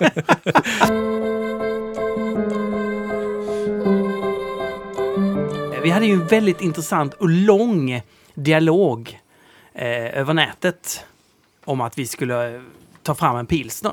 Mm. Men det är helt omöjligt ju. Jag som finns på Systembolaget. Systembolaget. Ja. Det är Nu svårt. tänker jag att om pivoten, Mm. Pivot Pilsen kommer ut, kan vi välja den? I, alltså jag tycker det, för det är ju inte en klassiker i och med att den har någonstans den Nej, har men om, det är den om bästa, om månad. det är den bästa på Nej, systemet. men jag har kört att han ska brygga en andra pilsner hela tiden.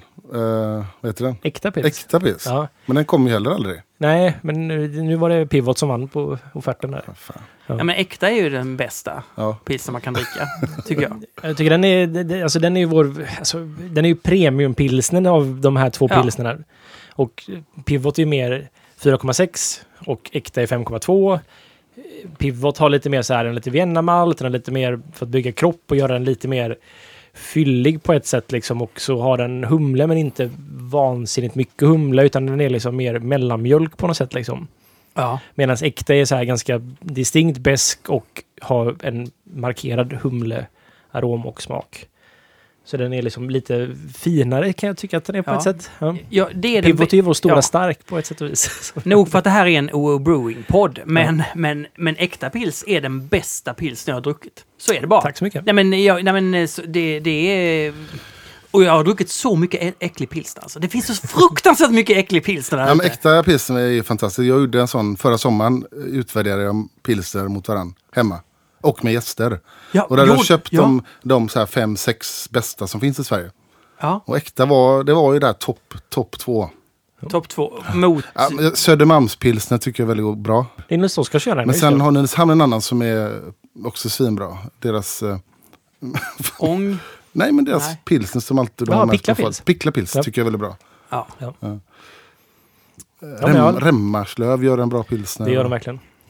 Så att det blir mer och mer bra svensk pilsner, men det här, de här klassiska pilsnerna är svåra att få tag i. Mm. Och jag, jag, när vi pratade om det, hade varit roligt att ha eh, Tippo-pils, för jag anser att det är en av de absolut bästa pilsnerna. Och det är en modern klassiker, man kan väl säga. Det är ett italienskt bryggeri som gör en väldigt bra pilsner.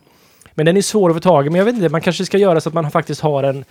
Att vi utvidgar, att man kan köpa det från typ Danmark och sådana saker. Ja, den finns på eh, kiosk. Precis. Jag beställde den därifrån. Den är helt fantastisk. Mm. Jag har godis i munnen, jag kan inte pra- jag kan inte prata. För det är intressant. Jag kände rätt mycket pils, svensk pilsner nu. Ja. Men så jag blir så här förvånad att man... Eh, när, det kom ju en hantverksölbryggerivåg i Sverige på 90-talet. Några av de bryggerierna försvann ju rätt snabbt. Och en förklaring så här efterhand man brukar ge att de gjorde, gjorde lageröl. Tråkig lager som redan folk eh, drack och den var dyrare och den var sämre eh, än, än mycket annat. Det fanns en hel del bryggerier som försvann. Gamla, gamla, Gamlestaden i Göteborg och sådär. Eh, och nu börjar svenska bryggerier göra pilsner igen.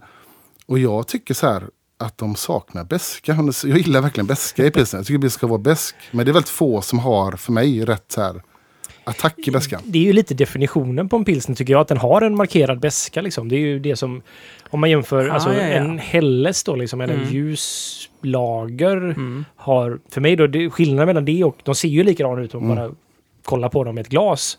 Men samma färg och allting sådär liksom. Men att pilsen ska vara en markerad beska i medan en Helles är lite rundare och finare liksom. Så att där går min definition, Mm. vad, vad skiljer de här två åt egentligen. Ah, intressant.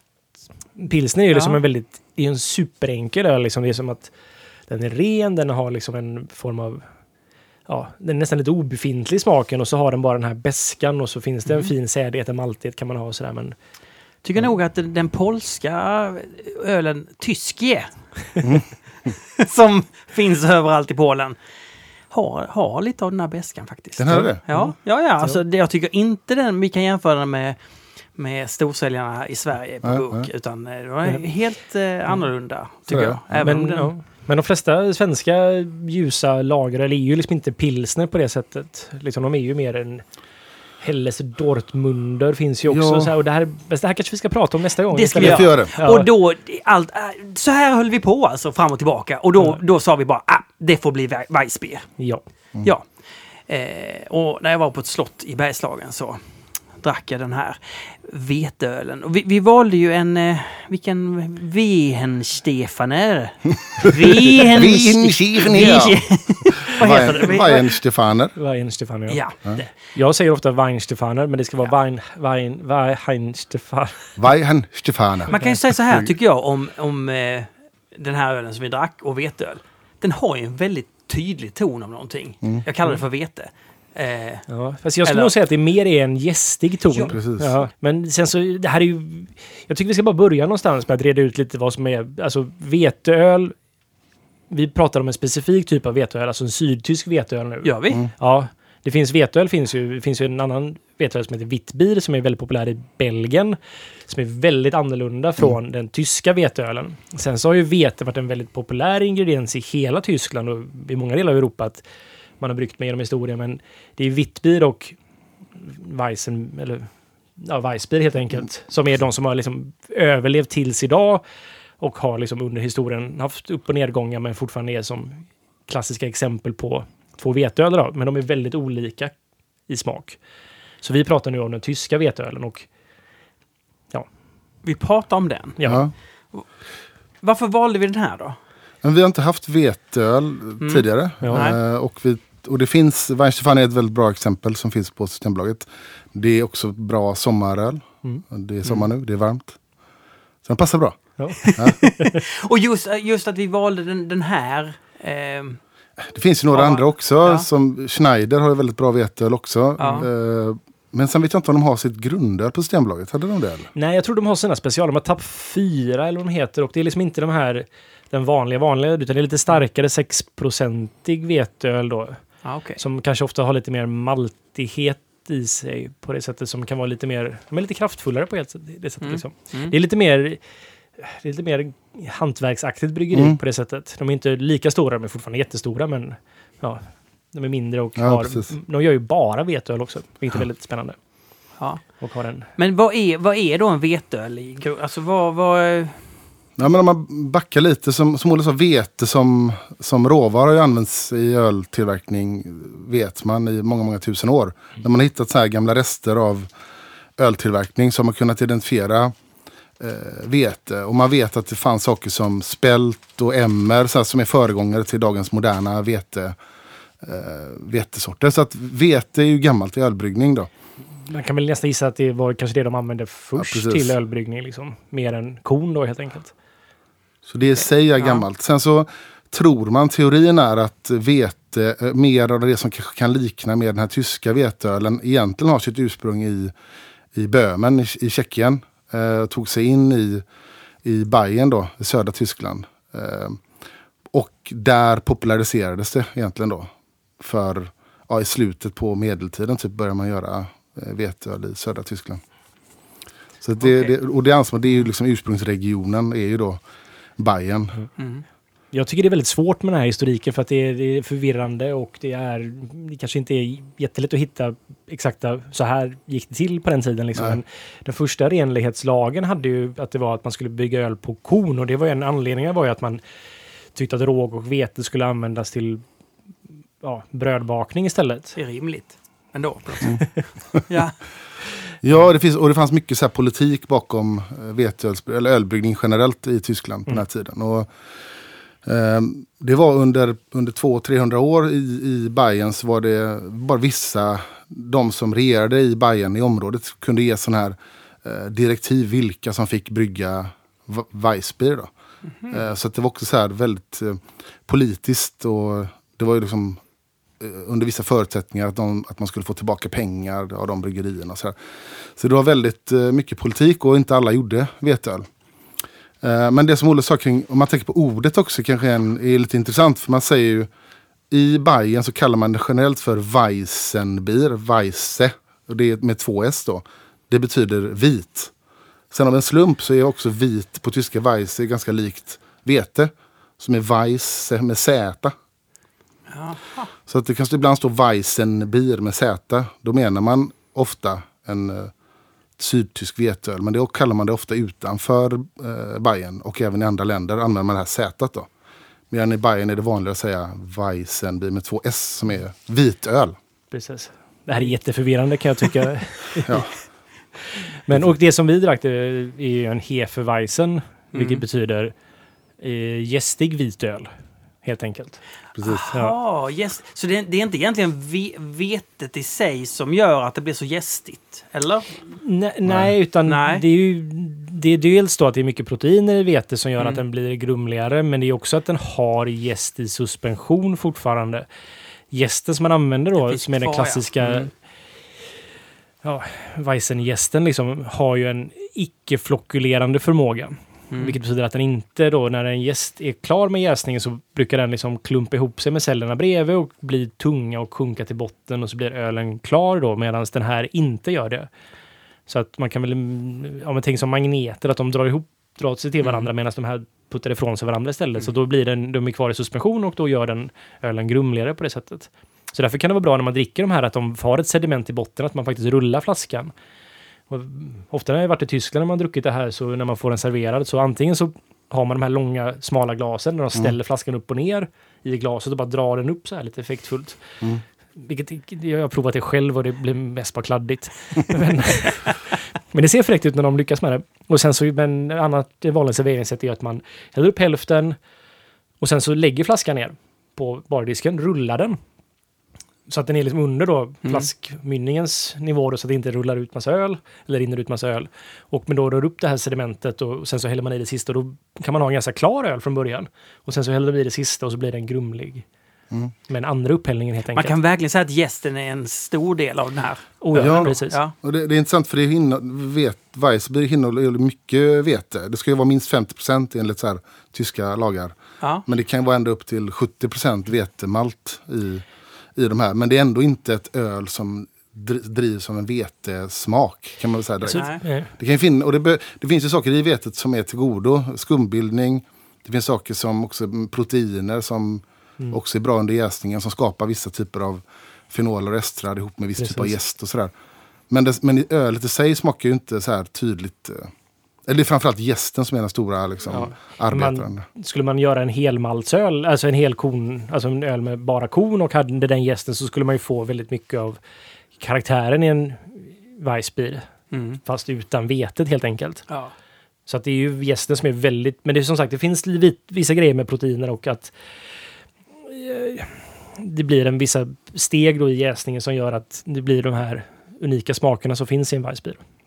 Men det verkar inte vara så många som har gjort på det sättet som du nu nämnde. Att man inte har vete i, men man jobbar med gästen.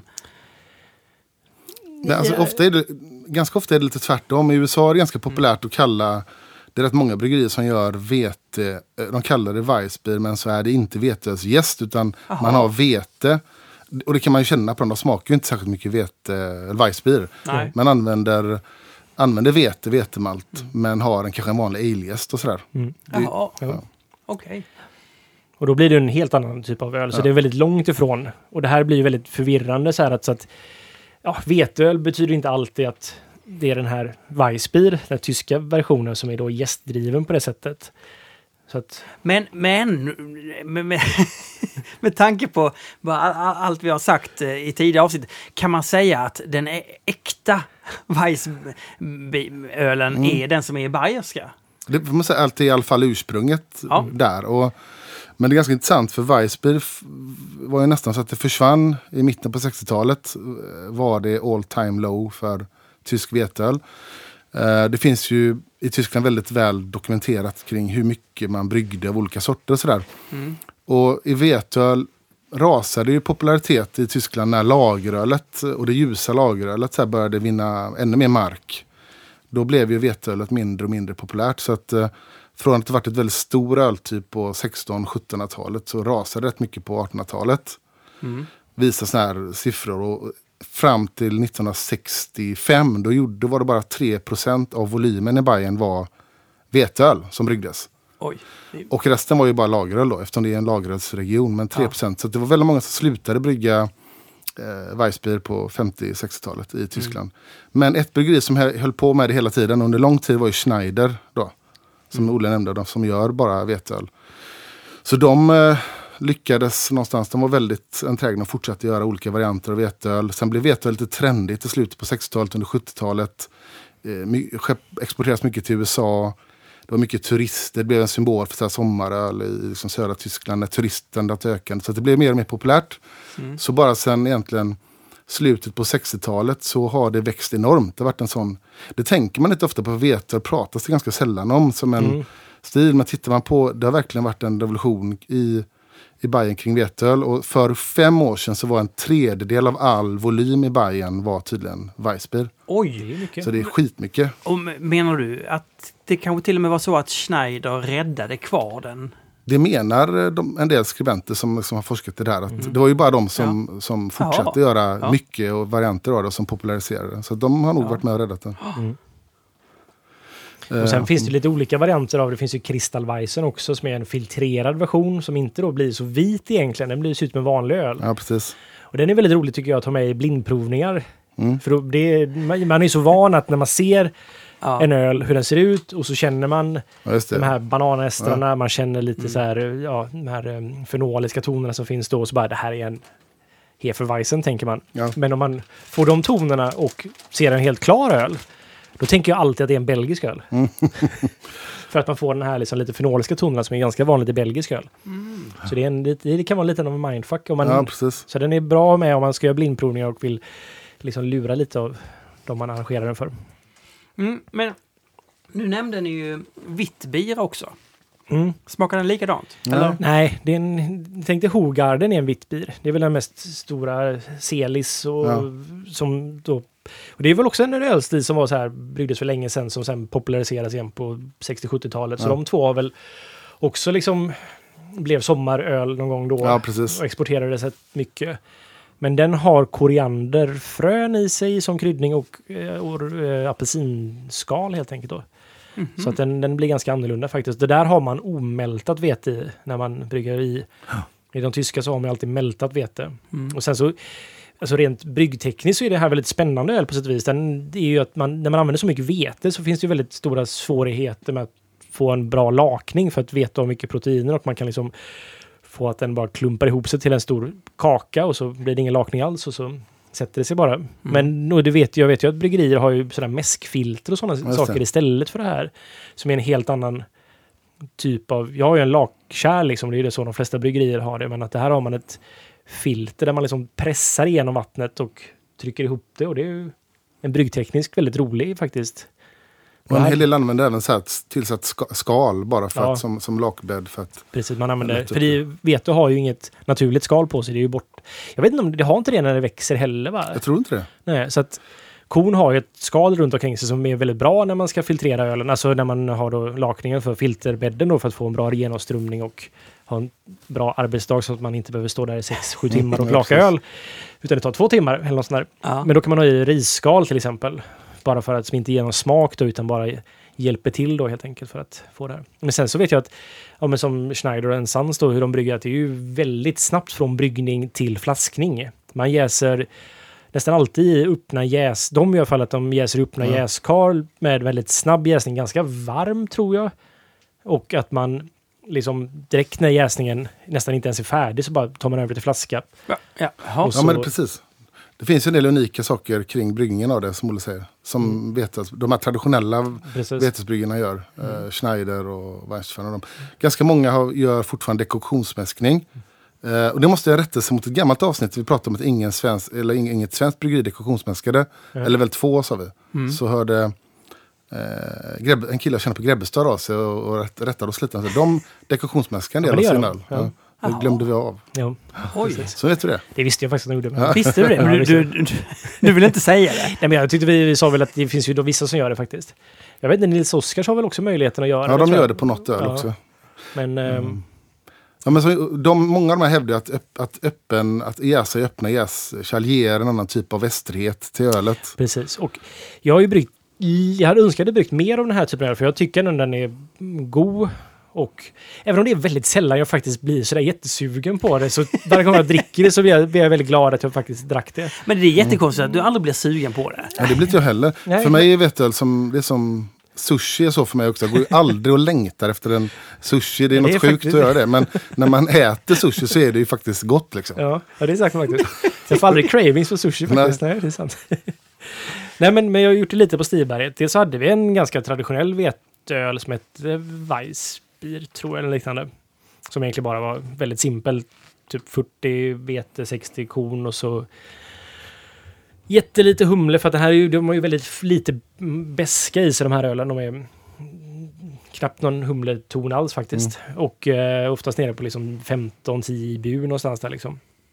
Men det som jag upplevde som svårt var det var att i och med att det är en icke-flockulerande gäst att återanvända gästen för det är väldigt dyrt att köpa. Jag har aldrig hittat någon bra torrgäst för det som man kan använda en gång och bara sen dumpa Ja, liksom.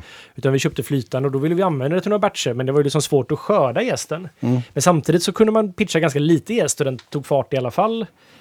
Men jag märkte att det var en stor skillnad i och med att man hade svårt att kontrollera pitchmängden.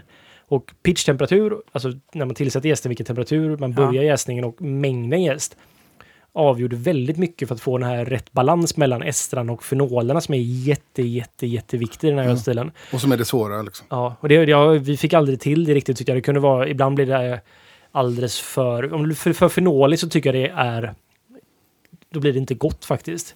Är det för estrigt så kommer man undan med det. Jag gillar när de har banan och den här, även om jag inte tycker att banandoft är så gott så tycker jag det faktiskt funkar rätt bra i det här. Mm. Och att man har den här, eh, ja men det blir som jänk, alltså tuggummi, bubblegum Åh, Mm. ja. Ja, Mm. det, det tycker jag är jättegott när man får till det. Men sen så man ska ha den här balansen liksom och den, den var svår att få tag i. Sen så gjorde vi en Hopfenweisse som var när jag började på Stiberget, det första ölen jag någonsin bryggde på eget hand, eller på liksom så här när jag inte gick bredvid Otto som var bryggaren där. Jag klantade mig som fan på den ölen. Minns jag. jag På, på Hopfenweisen? ja, eller? på den eh, Wheat seems to be the officer problem som då Stiberget hade som samarbete med All In Brewing. Just det. Så det här var väl andra eller tredje batchen den som bryggdes här. Och då var det... Men den där, där var också så här att då återanvände vi jästen, men den var ju kraftigt torrhumlad med Amarillo Citra för mig. Men där blev det väldigt också så här, vissa batcher, andra pitchen kanske blev så här alldeles för lite jäst och tredje pitchen blev för mycket jäst och när man hade för mycket jäst så blev det liksom ingen, då blev det för ren smak. Och då var det inte roligt alls. Men det, det är ju då ni kommer till att ni ska spara på ölen och blanda ihop den. Ja, men det, Så får ni en blandning av... Jo, men det kan man ju inte. Vi har ju inte till, det Nej. finns inga utrustning för det riktigt. men det är en väldigt rolig öl. Och jag, framförallt så gillar jag Hopfenweiss. Och det är ju en ganska modern Mm. öl. Så jag minns ju när den första släppet var på Systembolaget av, det är ju Schneider och Brooklyn som gjorde ett samarbete. Och åkte ju Garrett Oliver över, bryggde en version hos dem. Mm. Och sen så bryggde de en version i London, eller New York då, hos eh, Brooklyn. Jag har bara druckit den som bryggd hos Schneider och det var ju med massvis med Cascade då. Det var ju den galna bryggaren från USA kommer dit och blandar i Cascade-humle, torrhumlar den och grejer Ja. i en klassisk veteöl och jag tyckte det var helt fantastiskt gott. Ja, det var gott. Och jag, så här, det var också så här att, vad kan det ha kommit 2006? Något sånt? Någonstans där, 2006-2007. Ja. Och det var ju så här, Det var ju Oj. första ölet som... Ja. Det var en ny stil som kom typ. precis. När de uppfann den kan man säga då. Och det med den, han är bryggmästaren på Schneider, jag minns inte vad han heter nu, men han är ju väldigt eh, så här, öppen för att vara en bayersk eh, liksom, bryggare. Ja. Ja, det får man ju säga. Det, men, men, och du kallar den för Hopfenweisen. Hopfenweisen blev... För att, du- ja, Det är, humlig. Oj, om jag, vete. jag kan ju tycka att det är lite föregången till New England-IPA på ett sätt. Så här, mycket av tanken med New England finns där också. Liksom. Den, den också. Det, Ja, den också liksom. Så att Saison, blandar du Hopfenweiser, Saison och så här, då får du någonstans en New England-IPA. Men det är liksom. inte helt tokigt för att den är också sådär, Ja. eh, eftersom grundölet i en, i en Weissbier är ju låg, låg beska, Mm. eh, vete som ändå kan ge lite mjuk munkänsla. Och sen så adderar man mycket humle till det. Då. Precis. Och så har man då fortfarande gästen i suspension och man får ju då den här som man har upptäckt nu då att det finns den här magiska i med att när gäst och humle interagerar med varandra så får man något extra, man får de här biotransformationerna som gör att humle smakar annorlunda helt enkelt. Liksom. Och det får man nog i det också skulle jag gissa. För att, eh, ja, så det, det var en tidig... Men Hopfenweisse tycker jag, det, jag, jag tycker det ibland vissa versioner eller vissa tolkningar av det är hur goda som helst. Vissa jag tycker är fruktansvärt äckliga. För att det är väldigt svårt att få till, det som Olle sa, att i en Weissbier att få till dels balansen mellan estrar och fenoler är svårt. Blir det för mycket fenoler det blir plastigt och, och så här mm, en burkskinka typ. Det är inte särskilt trevligt. Och kombinerar man det, om du har mycket av den karaktären och kombinerar det med väldigt modern humle så blir det en ju skitkonstig krock liksom. Det kan ju smaka jävligt skumt ihop. Och jag provade ett som jag tyckte var svinbra. Det var Spike här i Göteborg gör ju ett vet, en Hopfenweisse med bara tysk eh, humle. Jag minns inte exakt vilken humle de har. Men jag tyckte den var svinbra. För där passade den det här liksom Ja, lite mer uh, örtiga humlen liksom med Burkskinkan. estrar och fenol. Burkskinkan och det här. Jag tycker humle som har en blommighet Super Cascade har ju ganska mycket blommighet och det var den som de tror jag hade i den Mm. Brooklyn och Schneider. Ja. Det funkar bra. Jag kan hålla med om att typ Citra och de här, det blir, det blir lite skarpt på något sätt liksom. Mm. Att det, det går med de här lite mer milda humlesorterna ändå för att ölen är så delikat på ett sätt liksom. Den har liksom ingenting... Har man för mycket av humlen så blir det torrhumling då så kan det bli lite för strävt och beskt liksom också. Mm. Så att det var nog, jag, vad, vad hette den? Den hette, hade ett litet...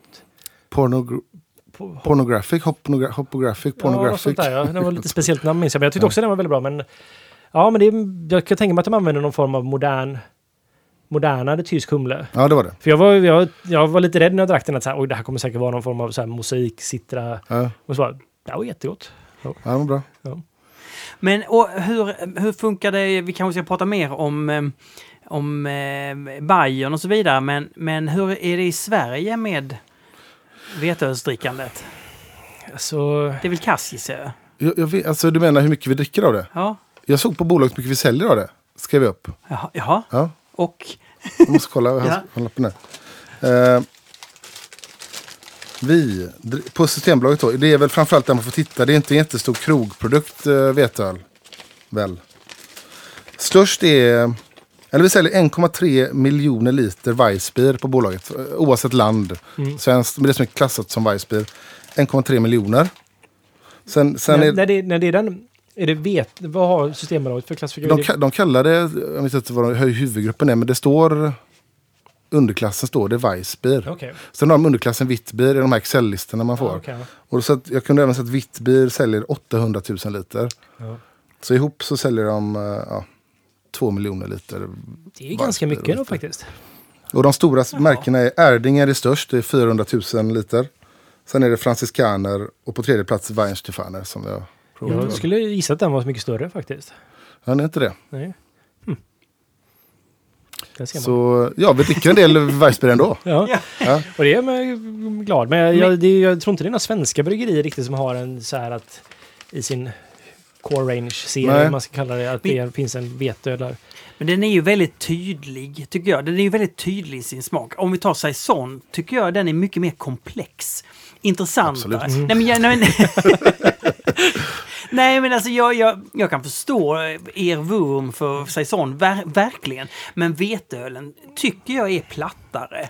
Och, Den är- och tydligare. Ja, men den, den, har, den är ju en väldigt enkel öl på sätt och vis. Liksom. Det är ju den här, det är ju en gästkaraktär, även om vi säger att det är svårt att brygga den, man ska ha rätt balans där. Men Mm. smakmässigt kan jag hålla med att jag tycker att det är en ganska enkel öl. Den har ingen beska, den, den har inte så mycket motstånd i sig som annan öl kan ha på ett sätt som jag kan...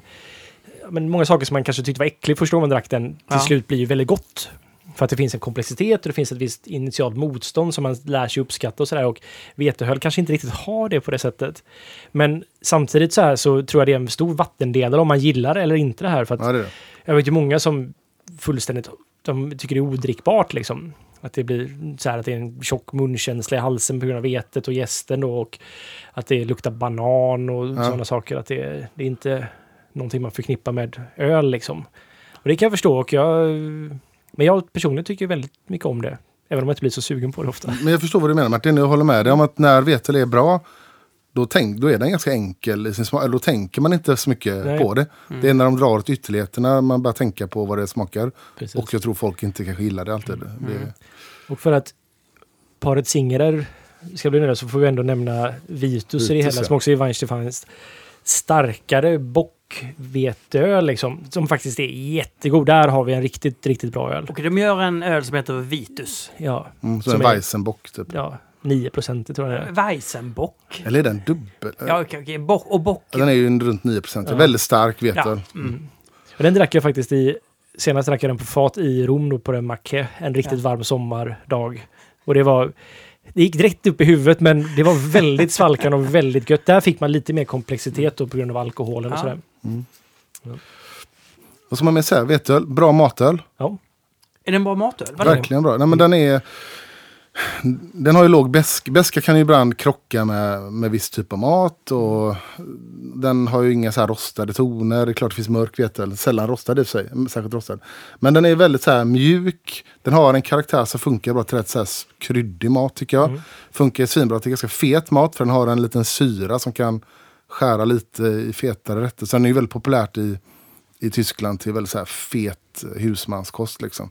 Funkar ju veteöl jättebra. Mm. Och jag minns Systembolaget har blivit lite mer nyanserade. Men för när Systembolaget skrev sina, jag vet inte, kommer ihåg när tidningen Varunytt, kom, det kanske finns kvar? Nej. Jag har ingen Nej, men det här, alltid när Systembolaget skulle tipsa om, eh, om dryck till mat. Så var det ju, i, under 20 års tid var det ju bara vin. Ja. Sen ska Ölfrämjandet drev det här, så här klaga, sen ni måste ju tipsa om öl också. Så började de göra det lite. Och då var det, då var det, var det veteöl. Vet, ja, men öl kan passa också. Vetöl. Det var, det var inget annat. En pöl, en öl, en pöl, gjord av öl,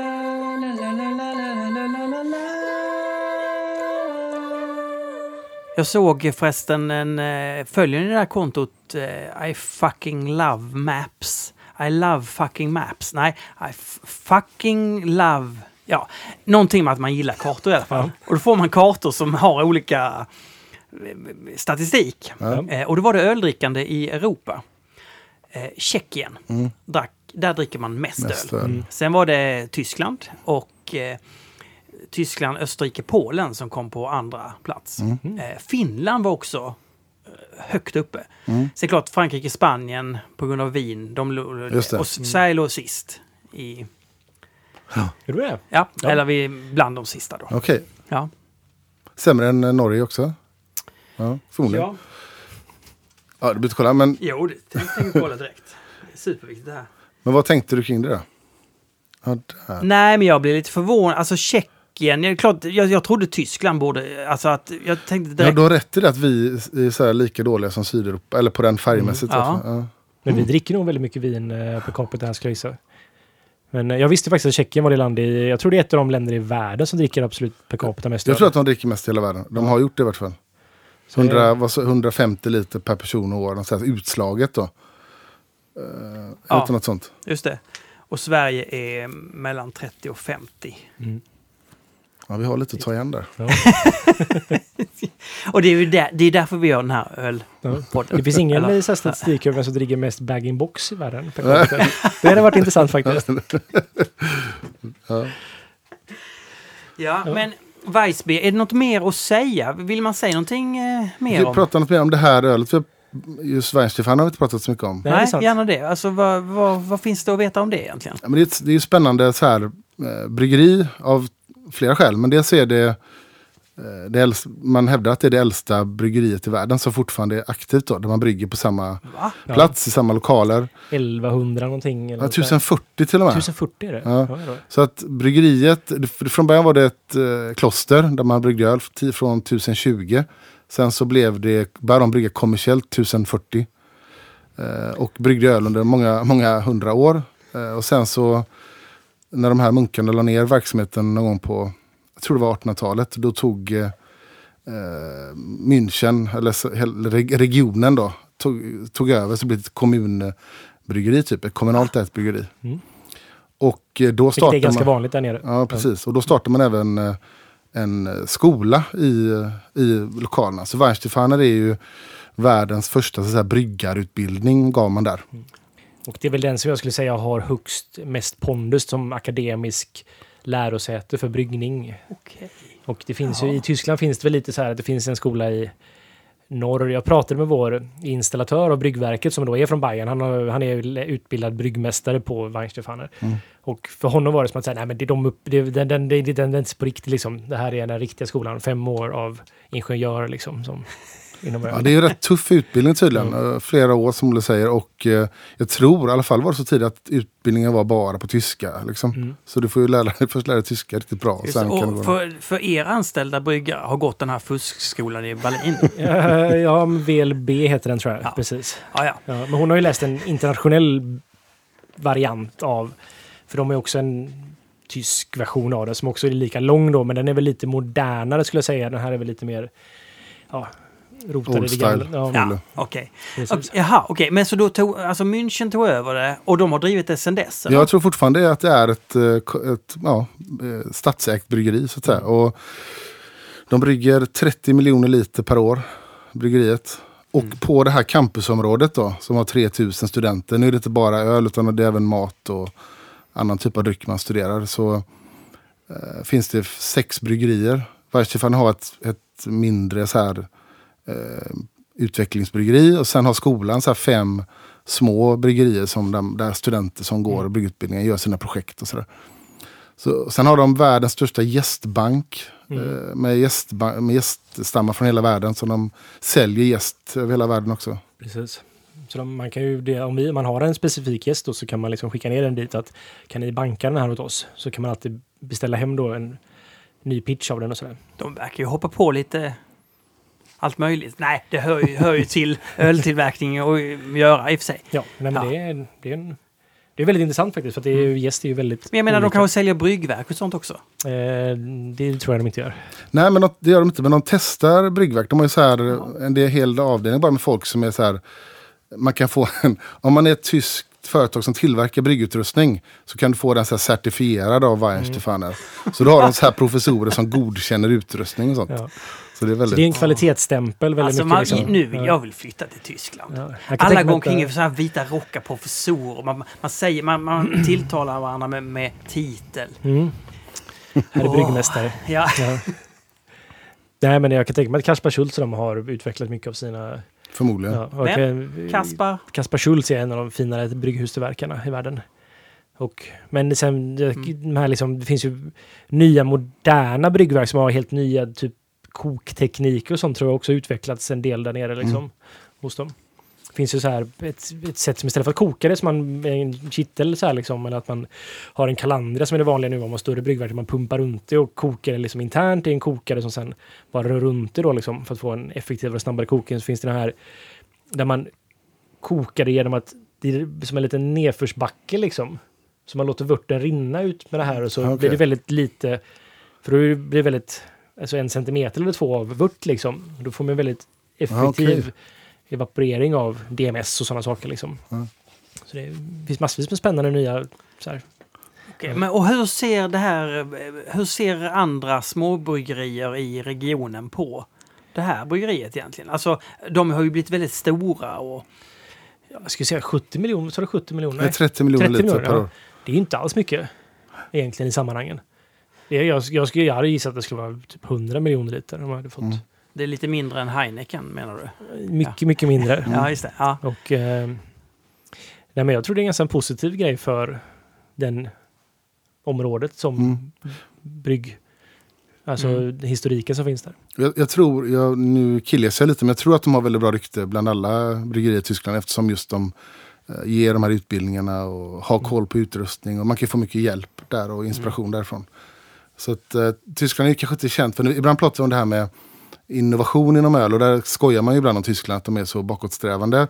Vilket de är i många sätt när det ser på vad, hur man får göra öl. Men de är väldigt eh, långt fram i världen när det kommer till eh, liksom utvärdera bryggteknik och det tekniska kring bryggning. Liksom. Precis. Och det härstammar från Weihenstefaner Ja, just det. Men, och det är inga, det, det, finns det inte exempel på, på bryggerier i Tyskland som har sålts ut så, så som i England? Alltså gamla anrika som plötsligt någon japansk jätte köper upp eller? Inte av de här små, det är mer att de eh, bara läggs ner för att det finns ingen i, i familjen som kan ta ja. över. Det är väl vanligare tycker jag. Tror jag. de kanske är för små då helt enkelt? jag tror det. Mm. Och, och den tyska marknaden har varit så konservativ att det är svårt för någon utomstående att gå in och ta över. Och, Mm. tror jag. Att det, Här kommer vi till det här, det här enkla faktumet att när man, när man eh, blir internationell eller när man, man går eh, börjar finnas i flera delar av världen. Det, är, inte, alltså det är bra att det finns något väldigt positivt i att vara lokal och inte för stor. Alltså det, det, finns, det finns fördelar rent miljömässigt men också att man bryr sig om marknaden som man är på. Man får en överblick. Alltså jag tror det, jag, när man växer för mycket och blir multinationell då förlorar man mycket av... Då, då, då plötsligt handlar det bara om pengar. Alltså man går, går från det ena till det andra. Väx med försiktighet, Olle. Ja. Mm. Jätte- Ja, men långsamt! Jag såg att ni skaffade nya tankar och du berättade det. Ja. Eh, farligt, vet du. Ja, Mycket det, är, det, är en, farligt. det är en rimlig ökning. Och en bryggare till. Ja, ja. ja. Nej, men prioriteringar ändras ju såklart då och eh, Ja. andra incitament för att göra ölen på olika sätt och vis försvinner och sådär. Så att, Ska vi ta en, ett glas vatten eller? ja, det kan Ja.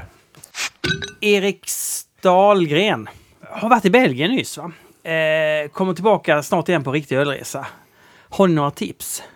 Det finns, ett, det finns ju en anledning att spara den här frågan tills du kom Fredrik. Okej. Såklart, Lambic, eh, Bryssel och Brysselregionen. Man kan ju med väldigt små, alltså det är ju, man kan ju hyra en bil och åka runt till i stort sett alla Lambic-bryggerierna Ja, på det är liksom bara ett par mils omkrets så har du, har du alla de här klassiska. Jag vet inte om vi har pratat om det, jag tror jag har sagt det en gång tidigare, eller Ölpölen, att gissa hur stort ytan hela Belgien är. Småland. Ja, Ja. fan Det det har vi pratat om. fan också. ja, ja. Men det är Men- helt sjukt, 10 miljoner invånare bara, men det är väldigt små avstånd i Belgien. Men besöka, tips då är besöka de här eh, Lambic-bryggerierna och Mm. Kolla upp lite innan när, de är, när det är öppet och, och sådär. Jag vill slå ett slag för Vleteren också, att man kan åka runt och besöka. Det finns ju Ströjse, det är Dolle och eh, vad heter de, klosterbryggeriet? Som ligger i, Ja men Västvleteren. ja, vad bryggeriet heter? Ja, det heter ju Sankt... Sant, Sant Sixtus eller? Ja, något sånt där. jag vet inte De finns ju där i samma Mm. region, så där kan man ju åka dit och Mm. ja, besöka. Hur mycket som helst. Mm. Antenn var i Bamberg för någon vecka sedan. Och när man beställde en Kellerbier så fick man nästan uteslutande den serverad i krus istället för glas. Vet ni något om historien bakom varför man fortfarande väljer att servera dem på detta sätt? Man kan tänka ändå att glas visar hur fin ölen är. Jag förstår frågan. Varför hålla på med det här gamla? Ja, men det, det finns, jag, jag hann se den frågan idag. Ja. Och kunde en del av svaret, men jag dubbelkollade med Janko då. I Stockholm, Jan-Erik Svensson som är ja, en av världens främsta på just eh, Bambergområdet där. Han sa att det finns två skäl till det. Det ena är att eh, eh Kellerbier som tradition är någonting man dricker utomhus i ölträdgårdar. Det är liksom det dricks utomhus. Och det dricks mycket under den säsongen då man är ute och dricker. Eh, då håller liksom den här gamla stenglasen eh, kylan bättre. Så det är gammalt, den här typen av glas var ju vanligt i Tyskland fram tills... Eh, eller den här typen av stenkärl var ju vanligt innan glaset blev stort. Liksom. Jag kan bara flika in där, det är ju väldigt lustigt så här att när glaset blev någon form av allas egendom, att alla hade råd att ha ett glas, stämmer ju väldigt överens om när helt plötsligt öl var ljus och klar och fin att titta på. De två hade ju en lite synergieffekt där tror jag. Ja, Med precis. varandra. Ja, Mm. Och, och sen som Olle säger att, att nästan all öl i, i det här väldigt traditionella regionen dricks, eh, är ju eh, dricks ju klar. Det gäller ju inte Weissbier som vi sa, men den ska vara klar. Men Kellerbieren eh, är ju grumlig. Mm. Så att där, har, där så är det mer traditionellt att då ska, behöver man inte se det. Nej. För att det är inte så vackert som en klar öl. Sen så om det dricks i så här olika ja, liksom uteserveringar så finns det ju också en fördel att det inte släpper igenom solljus för att ölen blir ju snabbt solskadad. Jag tror inte det kanske är anledningen men det är en positiv faktor med Mm. sådana steins. ja. Mm. Sen så tror jag lite är bara att det är en, det är en tradition också. Sen gillar de att hålla fast vid sånt. För jag tror att eh, på Oktoberfest exempelvis så drack, var ju ända fram till slutet på 1800-talet så var det ju bara sådana stenkrus man drack ju liksom. Så det är ju en gammal, man har fortsatt med det här också. Det, man kunde trycka upp saker på det, göra speciella former på det. På Man är inte rädd för att hålla fast vid traditionen i, i Tyskland. Ganska bra sätt att marknadsföra sitt egna bryggeri på också. Kullan och Paugen. Kullan och Paugen. Eh, vilken är den ölmyt som ni stör mest på? Eh, som, eh, som fått leva kvar trots att den motbevisats flera gånger om. Alltså jag har flera där. Den, den som jag stör mig just nu mest på är väl, det är väl lite myt men det finns en, det är väl uppfattning mer om att kettle sours och att det inte, suröl, att det bara klumpas ihop till en grej. Att, alltså att det inte görs skillnad på kettle sours och eh, jag ska inte säga riktig suröl, men eh, annan suröl. Att det finns en det, det finns inte en, det kommuniceras inte ut så här så att det är väldigt stor missuppfattning till vad suröl är. Och hur det... Men säg, säg lite snabbt nu igen. Alltså kettle sours så fuskar man till surheten. Medan... Man fuskar inte till det. det. Man snabbar sur- till det. Ja, man snabbar till ja, det. det går lite snabbare. Det Det, finns lite en, enklare. det, här, det bygger ju på en missuppfattning att det finns ju ett bryggeri, Berliner Kindle i Berlin, då, som gjorde Berliner Weisses. Som var ett stort industriellt som kanske gjorde den sämsta av alla Berliner Weisses. De här gick ju, de ju nästan alla fick, gick i konkurs liksom, men att de gjorde en kettle sour version. Alla andra gjorde liksom en lång jäsning på träfat och sådana saker när de gjorde sina Berliner Weisses. Men helt Ah. plötsligt då när den här liksom Berliner Weisses någonstans återupptäckte som ölstil, ölets champagne som Napoleon sa, så var det som att ah, men det här bryggeriet gjorde kettle sours, ja, men vi, vi gör på det sättet och det här är den traditionella metoden, fast det var det nog inte riktigt. Och det är missuppfattning. Att, och jag kan störa på den här lilla missuppfattningen. Man tog fel teknik, man tog fasta på fel grej i det här och tack vare detta så finns det ändå en fruktansvärd massa suröl som jag tycker inte smakar speciellt gott. Men som får någon form av autenticitet, autenticitetsstämpel för att det fanns ett bryggeri som en gång gjorde det här som kanske inte var... De var liksom den udda fågeln i det hela. Det är Mm, missuppfattning. ja. Sen så kan jag, Ja. den andra, den som jag rent så här, genom min vad ska man säga, inte ölkarriär, men jag kommer ihåg när jag hade ölprovningar mycket på Ölrepubliken så försökte jag alltid, liksom så här, det lärde jag mig Pelle faktiskt, Pelle Frost då, som drev på den tiden Ölrepubliken och idag Brewers Beer Bar och All In Brewing, att det är alltid bra att ha med sig Guinness Ja, bra. Mm. på ölprovningen som sista öl. Gärna efter att du kanske, eller har den bredvid en till exempel Duvel då som är 9% i jätteljus. Och den här missuppfattningen bara för att det är mörkt så är det jättebrödigt och man blir mätt på att dricka det. Och, det, Mm. det, och när folk då dricker en Duvel gentemot en Guinness som är 4,2 så inser de att den smakar ju vatten. Mm. Fast den ser ut som den ska vara jätte... Och det var alltid så här... Varje gång man hade en så här nybörjare introduktionsölprovning så kommer de ja ah, men jag har druckit sån här mörk öl och Det får man äta med kniv och gaffel. Ja, precis. Ex liksom man bara så här, ja, jo, och sen så väntar man till så här, nu jävlar ska du få se här på slutet så här. Och det blir alltid den här, vissa blev nästan lite stötta av det. Att det var liksom att det blev en sån mindfuck att, vänta nu, det här är ju inte alls, Ja, det är ju faktiskt kvävgasen i en Guinness som ofta gör den här tjocka känslan. Ja, det, är mer, det är ju psykiskt att den känns, liksom, Ja. psykologiskt att den känns väldigt fylld. Fan, det snodde min eh, sån. Min, det jag skulle säga var just eh, bilden av att bara för att öl får en mörk färg så är den svårdrucken och matig och man blir mätt och så här. Och jag menar att det fortfarande är det mest, den mest uts, fortfarande mest utspridda och eh, tyvärr mest begränsande faktorn för att eh, vi inte ska få fler personer som dricker mer typer av öl. Och det är ju förklaringen till att ja, men vi gick från lageröl och storstark till IPA, fortfarande ljus liksom. Men så fort, eh, om det skulle kunna vara en black IPA som inte har någon rostad tonal som är väldigt så här, lätt, lätt IPA egentligen. Det blir ju många så här livrädda för. Det går ju inte att dricka det. det är liksom, då kommer jag inte behöva äta på en vecka. Så här, det är så här konstig uppfattning som begränsar också många ölstilar faktiskt. Mm. Så, så den är jobbig. Ja, För den finns ju kvar väldigt starkt. det gör den verkligen. Ehm, Ja. Men det, det finns ju mycket missuppfattningar i öl i allmänhet. Men det är, det är de som jag har stört mig mest på. Och, Det är bra. Eh, Moff 13 kom in med en mycket, mycket sen fråga. Mhm. Men jag är inte den som är den. Rehydrera? Frågetecken. yes då. Det är viktigt att dricka mycket vatten annars i allmänhet. Man ska inte bara dricka öl. Eh, men... eh, Vad mer, mer, finns det något bryggmässigt med att Ja, om man rehydrera? använder torrjäst då så står det på instruktionerna att man ska rehydrera jästen, så att man ska fukta den innan i antingen vatten eller vört.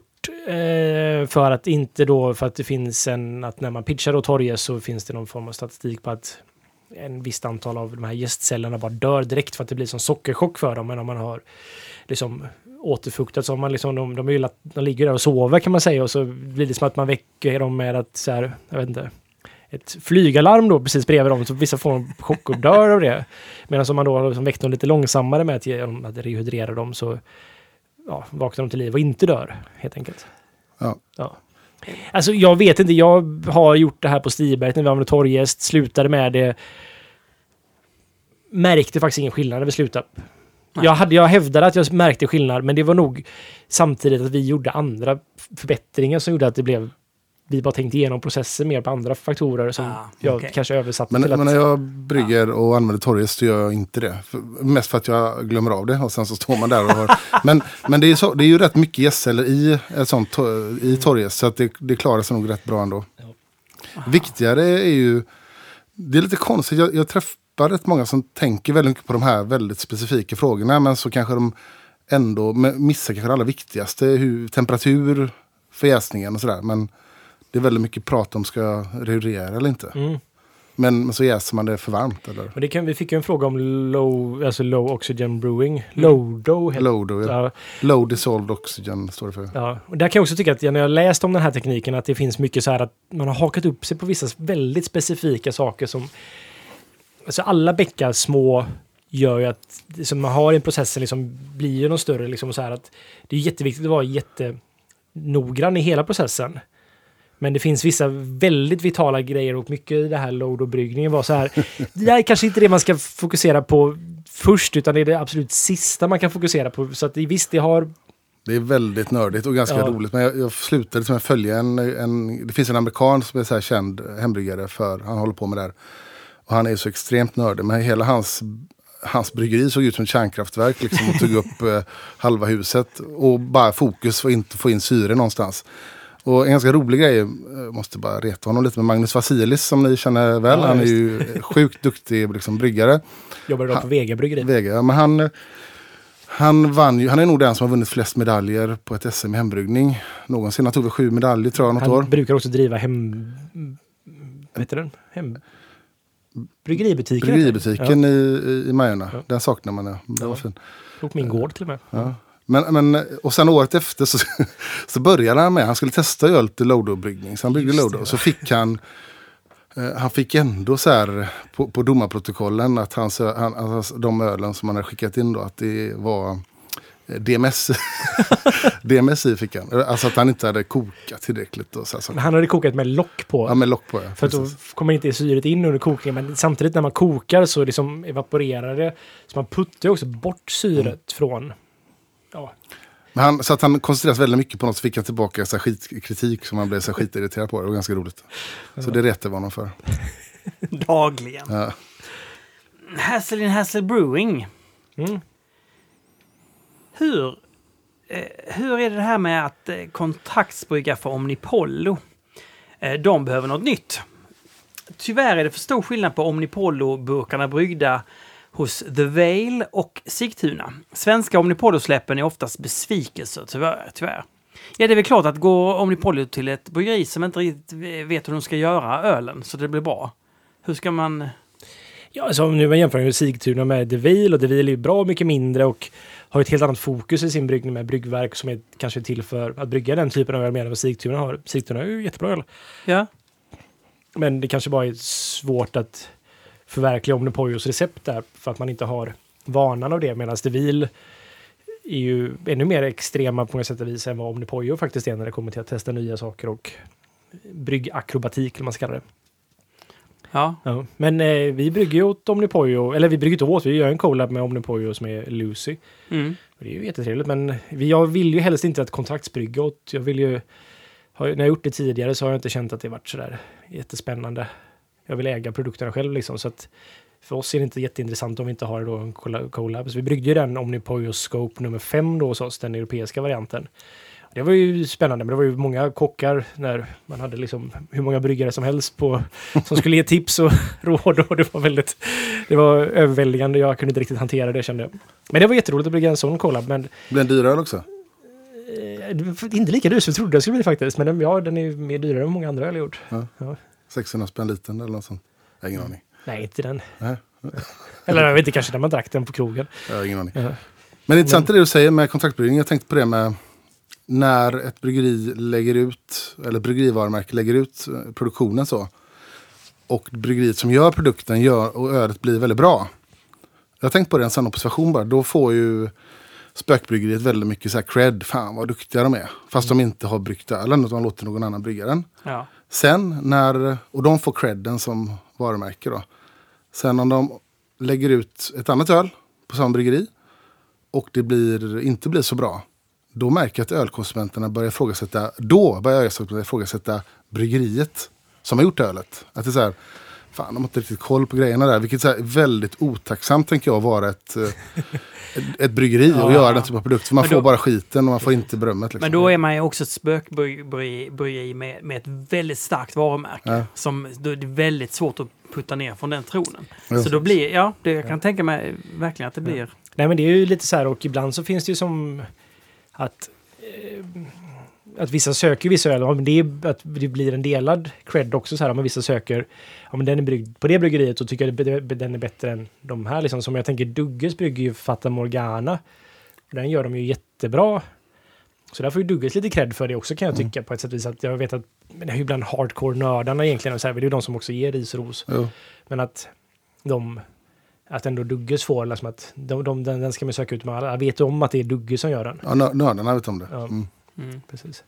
Men det är ju alltid känsligt där och man är ju alltid, är ju, jag skulle vara rädd för det. Och det var jag ju när jag bryggde West Coast åt Stiberget i början. När, innan West, eh, Stiberget kom igång med sin nya produktionsanläggning. Så Mm. var de ju, hade de ont om kapacitet liksom. Så då bryggde vi och vi hade väl överkapacitet på det sättet. Vi var helt nystartade och det var ganska, det var skönt att ha en säker inkomstkälla på det sättet när man precis startar bryggeri. För man vet ju aldrig hur det går liksom. Det var, men då var jag ju jätterädd för att vår West Coast skulle vara sämre eller annorlunda och att det skulle, jag, jag var rädd att det här, tänk om det blir så att alla ser att det här är bryggt på OO och att den att folk inte uppskattar det lika mycket. Nu blev det faktiskt tvärtom där. Så att jag, många som sökte West Coasten som gjorde hos oss istället för för då hade också Stiberg ett lite problem med vissa aspekter men Du menar precis i början där? Ja. Ja, jag vet jag inte alls vad du pratar om. Nej, men så, det- det, det är väldigt det är känsligt det där liksom. Att jag, jag tycker alltid det är väldigt bekvämt när man... Eller jag, nu är jag lyckligt lottad att jag kan göra det här att jag inte behöver lägga ut produktion till något annat bryggeri. Eller så att vi kontraktsbrygger, licensbrygger då för att få allting att gå runt liksom. Utan vi tar upp ja, vår egen kapacitet med vår egna öl. Eh, Det är så vi gärna vill ha det och jag tror det är så de flesta bryggerier vill ha det men Alltså, mm, det kan ju vara att tappar man en öl på Systembolaget till exempel som gick ena året hur bra som helst och sen så förlorar man den och så står man där med en massa tankar som man inte har utnyttjat och så då hyr man ut det liksom. Mm. Och Ja. ja. Ja, då visst. får man pengar för det och så så det, det hjälper ju brygg, alltså bryggerier som att få en stabilare ekonomi på ett sätt. Och, men det är alltid lite... Man, man, jag tror de flesta väljer nog att brygga sin egen öl. Egentligen. Mm. Men hela Mikkeler och hela, alltså Mikkeler var ju den som blev den första så här spökbryggaren som fick en form av... Han utnyttjade hela det faktum att Danmark hade en bryggeriboom. Eller utnyttjade utnyttjade, men det var ju en synergi för alla de här att det var en bryggeriboom. Det startades jättemycket bryggerier, sen började det liksom dala intresset och många bryggerier i Danmark gick omkull. Men då hyrde han in sig på de här bryggerierna för att de hade extra kapacitet. För de hade kanske satsat lite för mycket och så hade de, ja, då kom han in och så att han hjälpte de bryggerierna plus att han kunde skapa sitt egna varumärke. Mm. Så jag tycker inte egentligen det är... Det har funnits väldigt starka åsikter om så här kontraktsbryggning. Jag har ju själv varit kontraktsbryggare i, fyra år innan vi startade OO. Men jag har aldrig riktigt sett den... Många tyckte att det var... Att man var satan själv för att man var... Eh, Jo, fast, du Kontraktsbryggare. bryg, fast du bryggde ju själv. Vi gjorde ju ölen. Du gjorde Jo, Det finns, ju, det finns ju olika grader av det där. Så jag tror att kritiken var snarare med att man inte, folk inte fattade vem ska ha cred och sådär egentligen Ja. för det här. Och jag tänker så här, det finns ju all, precis som du var, att du, gjorde, du satt på bryggeriet, gjorde Stigbergets öl och så gjorde du o- lite HO-öl. Det var ju samma sak. Liksom. Jo, men i början på Stiberg så var ju bara ren kontraktsbryggning. Där hyrde vi in oss. Ja. Visserligen var vi med under bryggning, men det var ju först några månader senare anställdes av Stiberget. Men jag har aldrig tyckt att det varit så där. För jag vet att vissa har haft väldigt starka åsikter om det här i Sverige och sådär att det där var jättefel. Och jag förstår var det kommer ifrån, för att det kommer ju från ett att det blev för mycket varumärken, för lite bryggerier liksom. Det, blev, man, man, det var viktigt att bygga historia. Och man kanske hade en fejkad historia nästan, Mm. som lät bättre. Och då blev det som att det var kontraktsbryggat. Ja, men Guinness bryggde över hela världen och att det var liksom inte lika gott som den som var i originalstället. Och att det, liksom, det vattnades ur vad ett bryggeri faktiskt handlar om. Så jag förstår vad att det kommer som en motreaktion på utvattningen av öl helt enkelt. Ja, och att Men- man i vissa fall när det dras till andra extremer så lurar man konsumenter Mm. att det finns ett bryggeri i Mellerud Precis. eller Mariestad. Ja. Varför, vadå? Finns det inga bryggerier där? Eller vadå? Nej, dessvärre inte.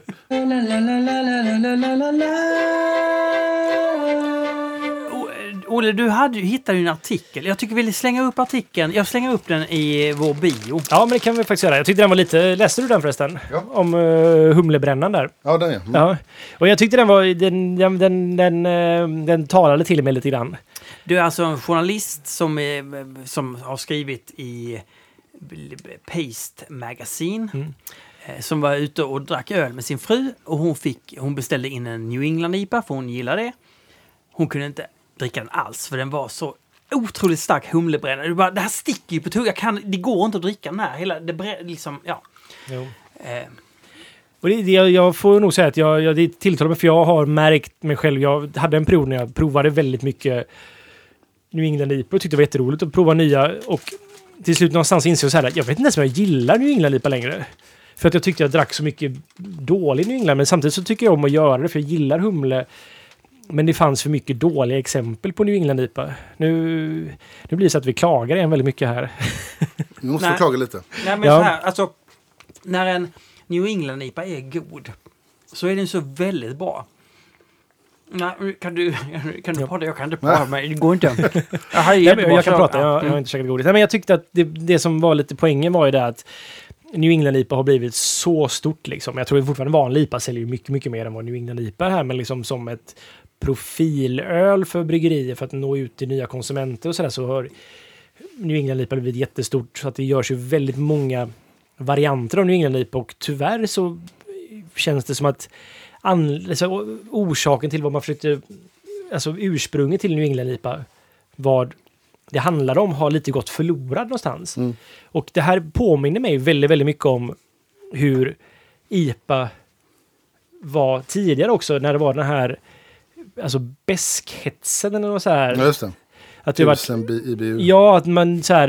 Anledningen till att jag tröttnade på IPA för länge sedan var ju för att det var bara var bäst. Och jag gillar, jag är känslig mot bäska.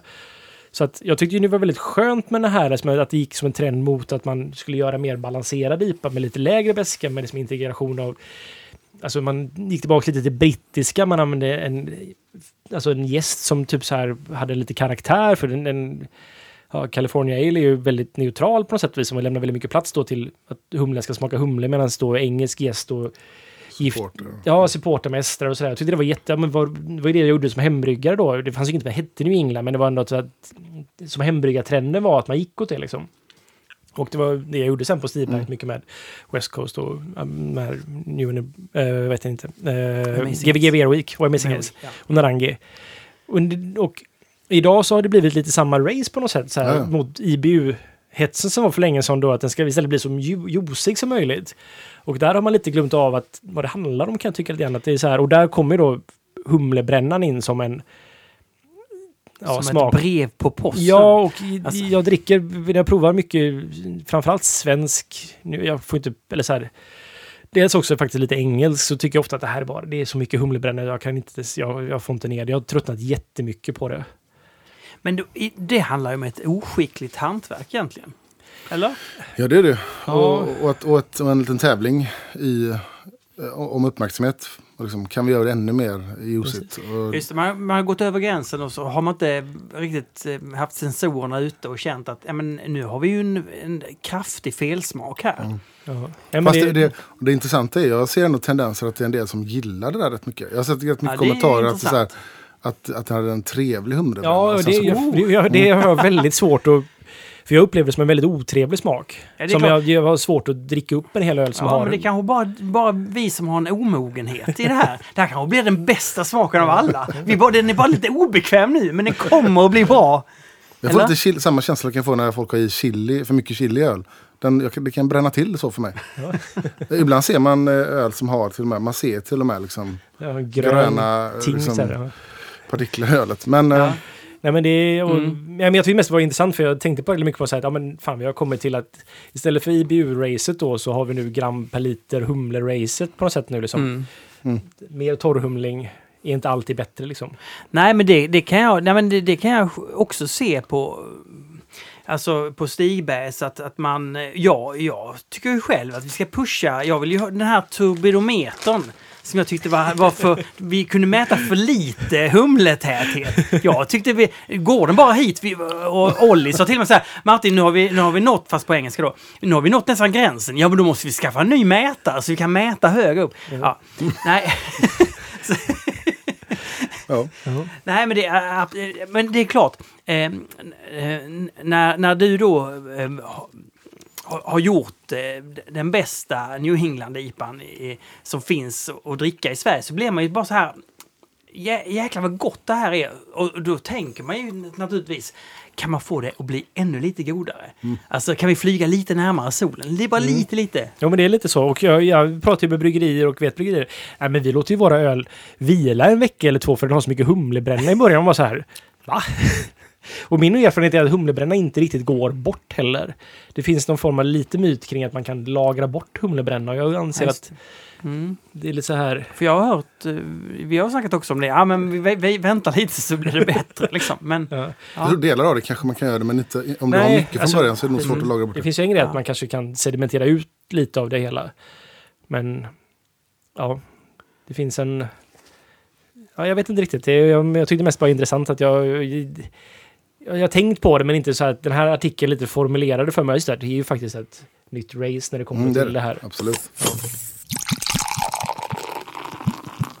Det får jag. och eh, nästa öl till nästa vecka, det, det ska vi bestämma redan nästa vecka Ja. säger jag alltid, men nästa månad eh, får ju bli pilsner. Ja, det blir det stora pilsner-avsnittet. Så vi tar fram några man kan köpa då och beställa.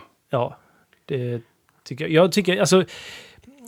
Man kan beställa från kiosk, alltså i Danmark. Det blir dyrt, men man, Tippopils finns där. Råthauspils är också det. en väldigt bra pilsner som man kan köpa där. Tycker ni att det, det är de två bästa man kan få tag på? Ja, ska vi ha något svenskt också? Ja, alltså ni man får jättegärna köpa en Pivot. För att alltså, nu kommer jag ha lite semester. Jag vet inte riktigt när vi hinner spela in nästa gång. Men så, får inte säga så. Nej, okej, men... Folk kan väl beställa Pivot Pilsen när den kommer. Ja. Kanske en, en svensk. Ska vi ha en svensk till? Är det för många? Ja, jag tycker du- vi nämnde ju... Eh, Södermalmspilsner. Ja. Det är beställningssortiment. Precis. Men alltså, man kan ju också man kan ju köpa egen pilsner. Men det är viktigt att man köper pilsner och inte någon form av Helles då, utan det ska vara pilsner. Okej. Mm. Och så tar vi det därifrån. Egentligen, vi, vi, men då, då, då får vi se om vi pratar om något specifikt bryggeri. Det blir ju, det blir ju Carlsberg då och Kell. Om vi ska prata om bryggerier, pil, pilsnerbryggerier så är väl de två som är... Ja, Carlsberg är ju inte riktigt ett pilsnerbryggeri på det sättet skulle jag säga. Nej. Det är ju en... Nej, det är, det är en lager liksom. Nu, det, det, ja. det är men, dansk men, men för, förr i tiden? Ja, men det, nej, jag skulle Nej. säga att... Ja. Man kan ju Jever. Jever är en bra torr tysk pilsner. För den är ju nordtysk på det sättet. Är inte etiketten väldigt trist? Jo, Alltså? den är ful. Den är lite ful. Ja. Och ja, men vi måste ju också säga att man ska gå med i Svenska Ölfrämjandet. Prenumerera på Care of Hops. Ja, det ska Ja. man definitivt göra. Eh, Och tack Ina för att du finns. Nej, jag såg nu att hon ska vara med i um, Släng dig i brunnen. Precis. Det är ju Ja, jätteroligt. hon går från eh, komikerklarhet till klarhet. Ja. Hon är ju nästan kändis nu. Mm. Ja. Ja. tack, tack.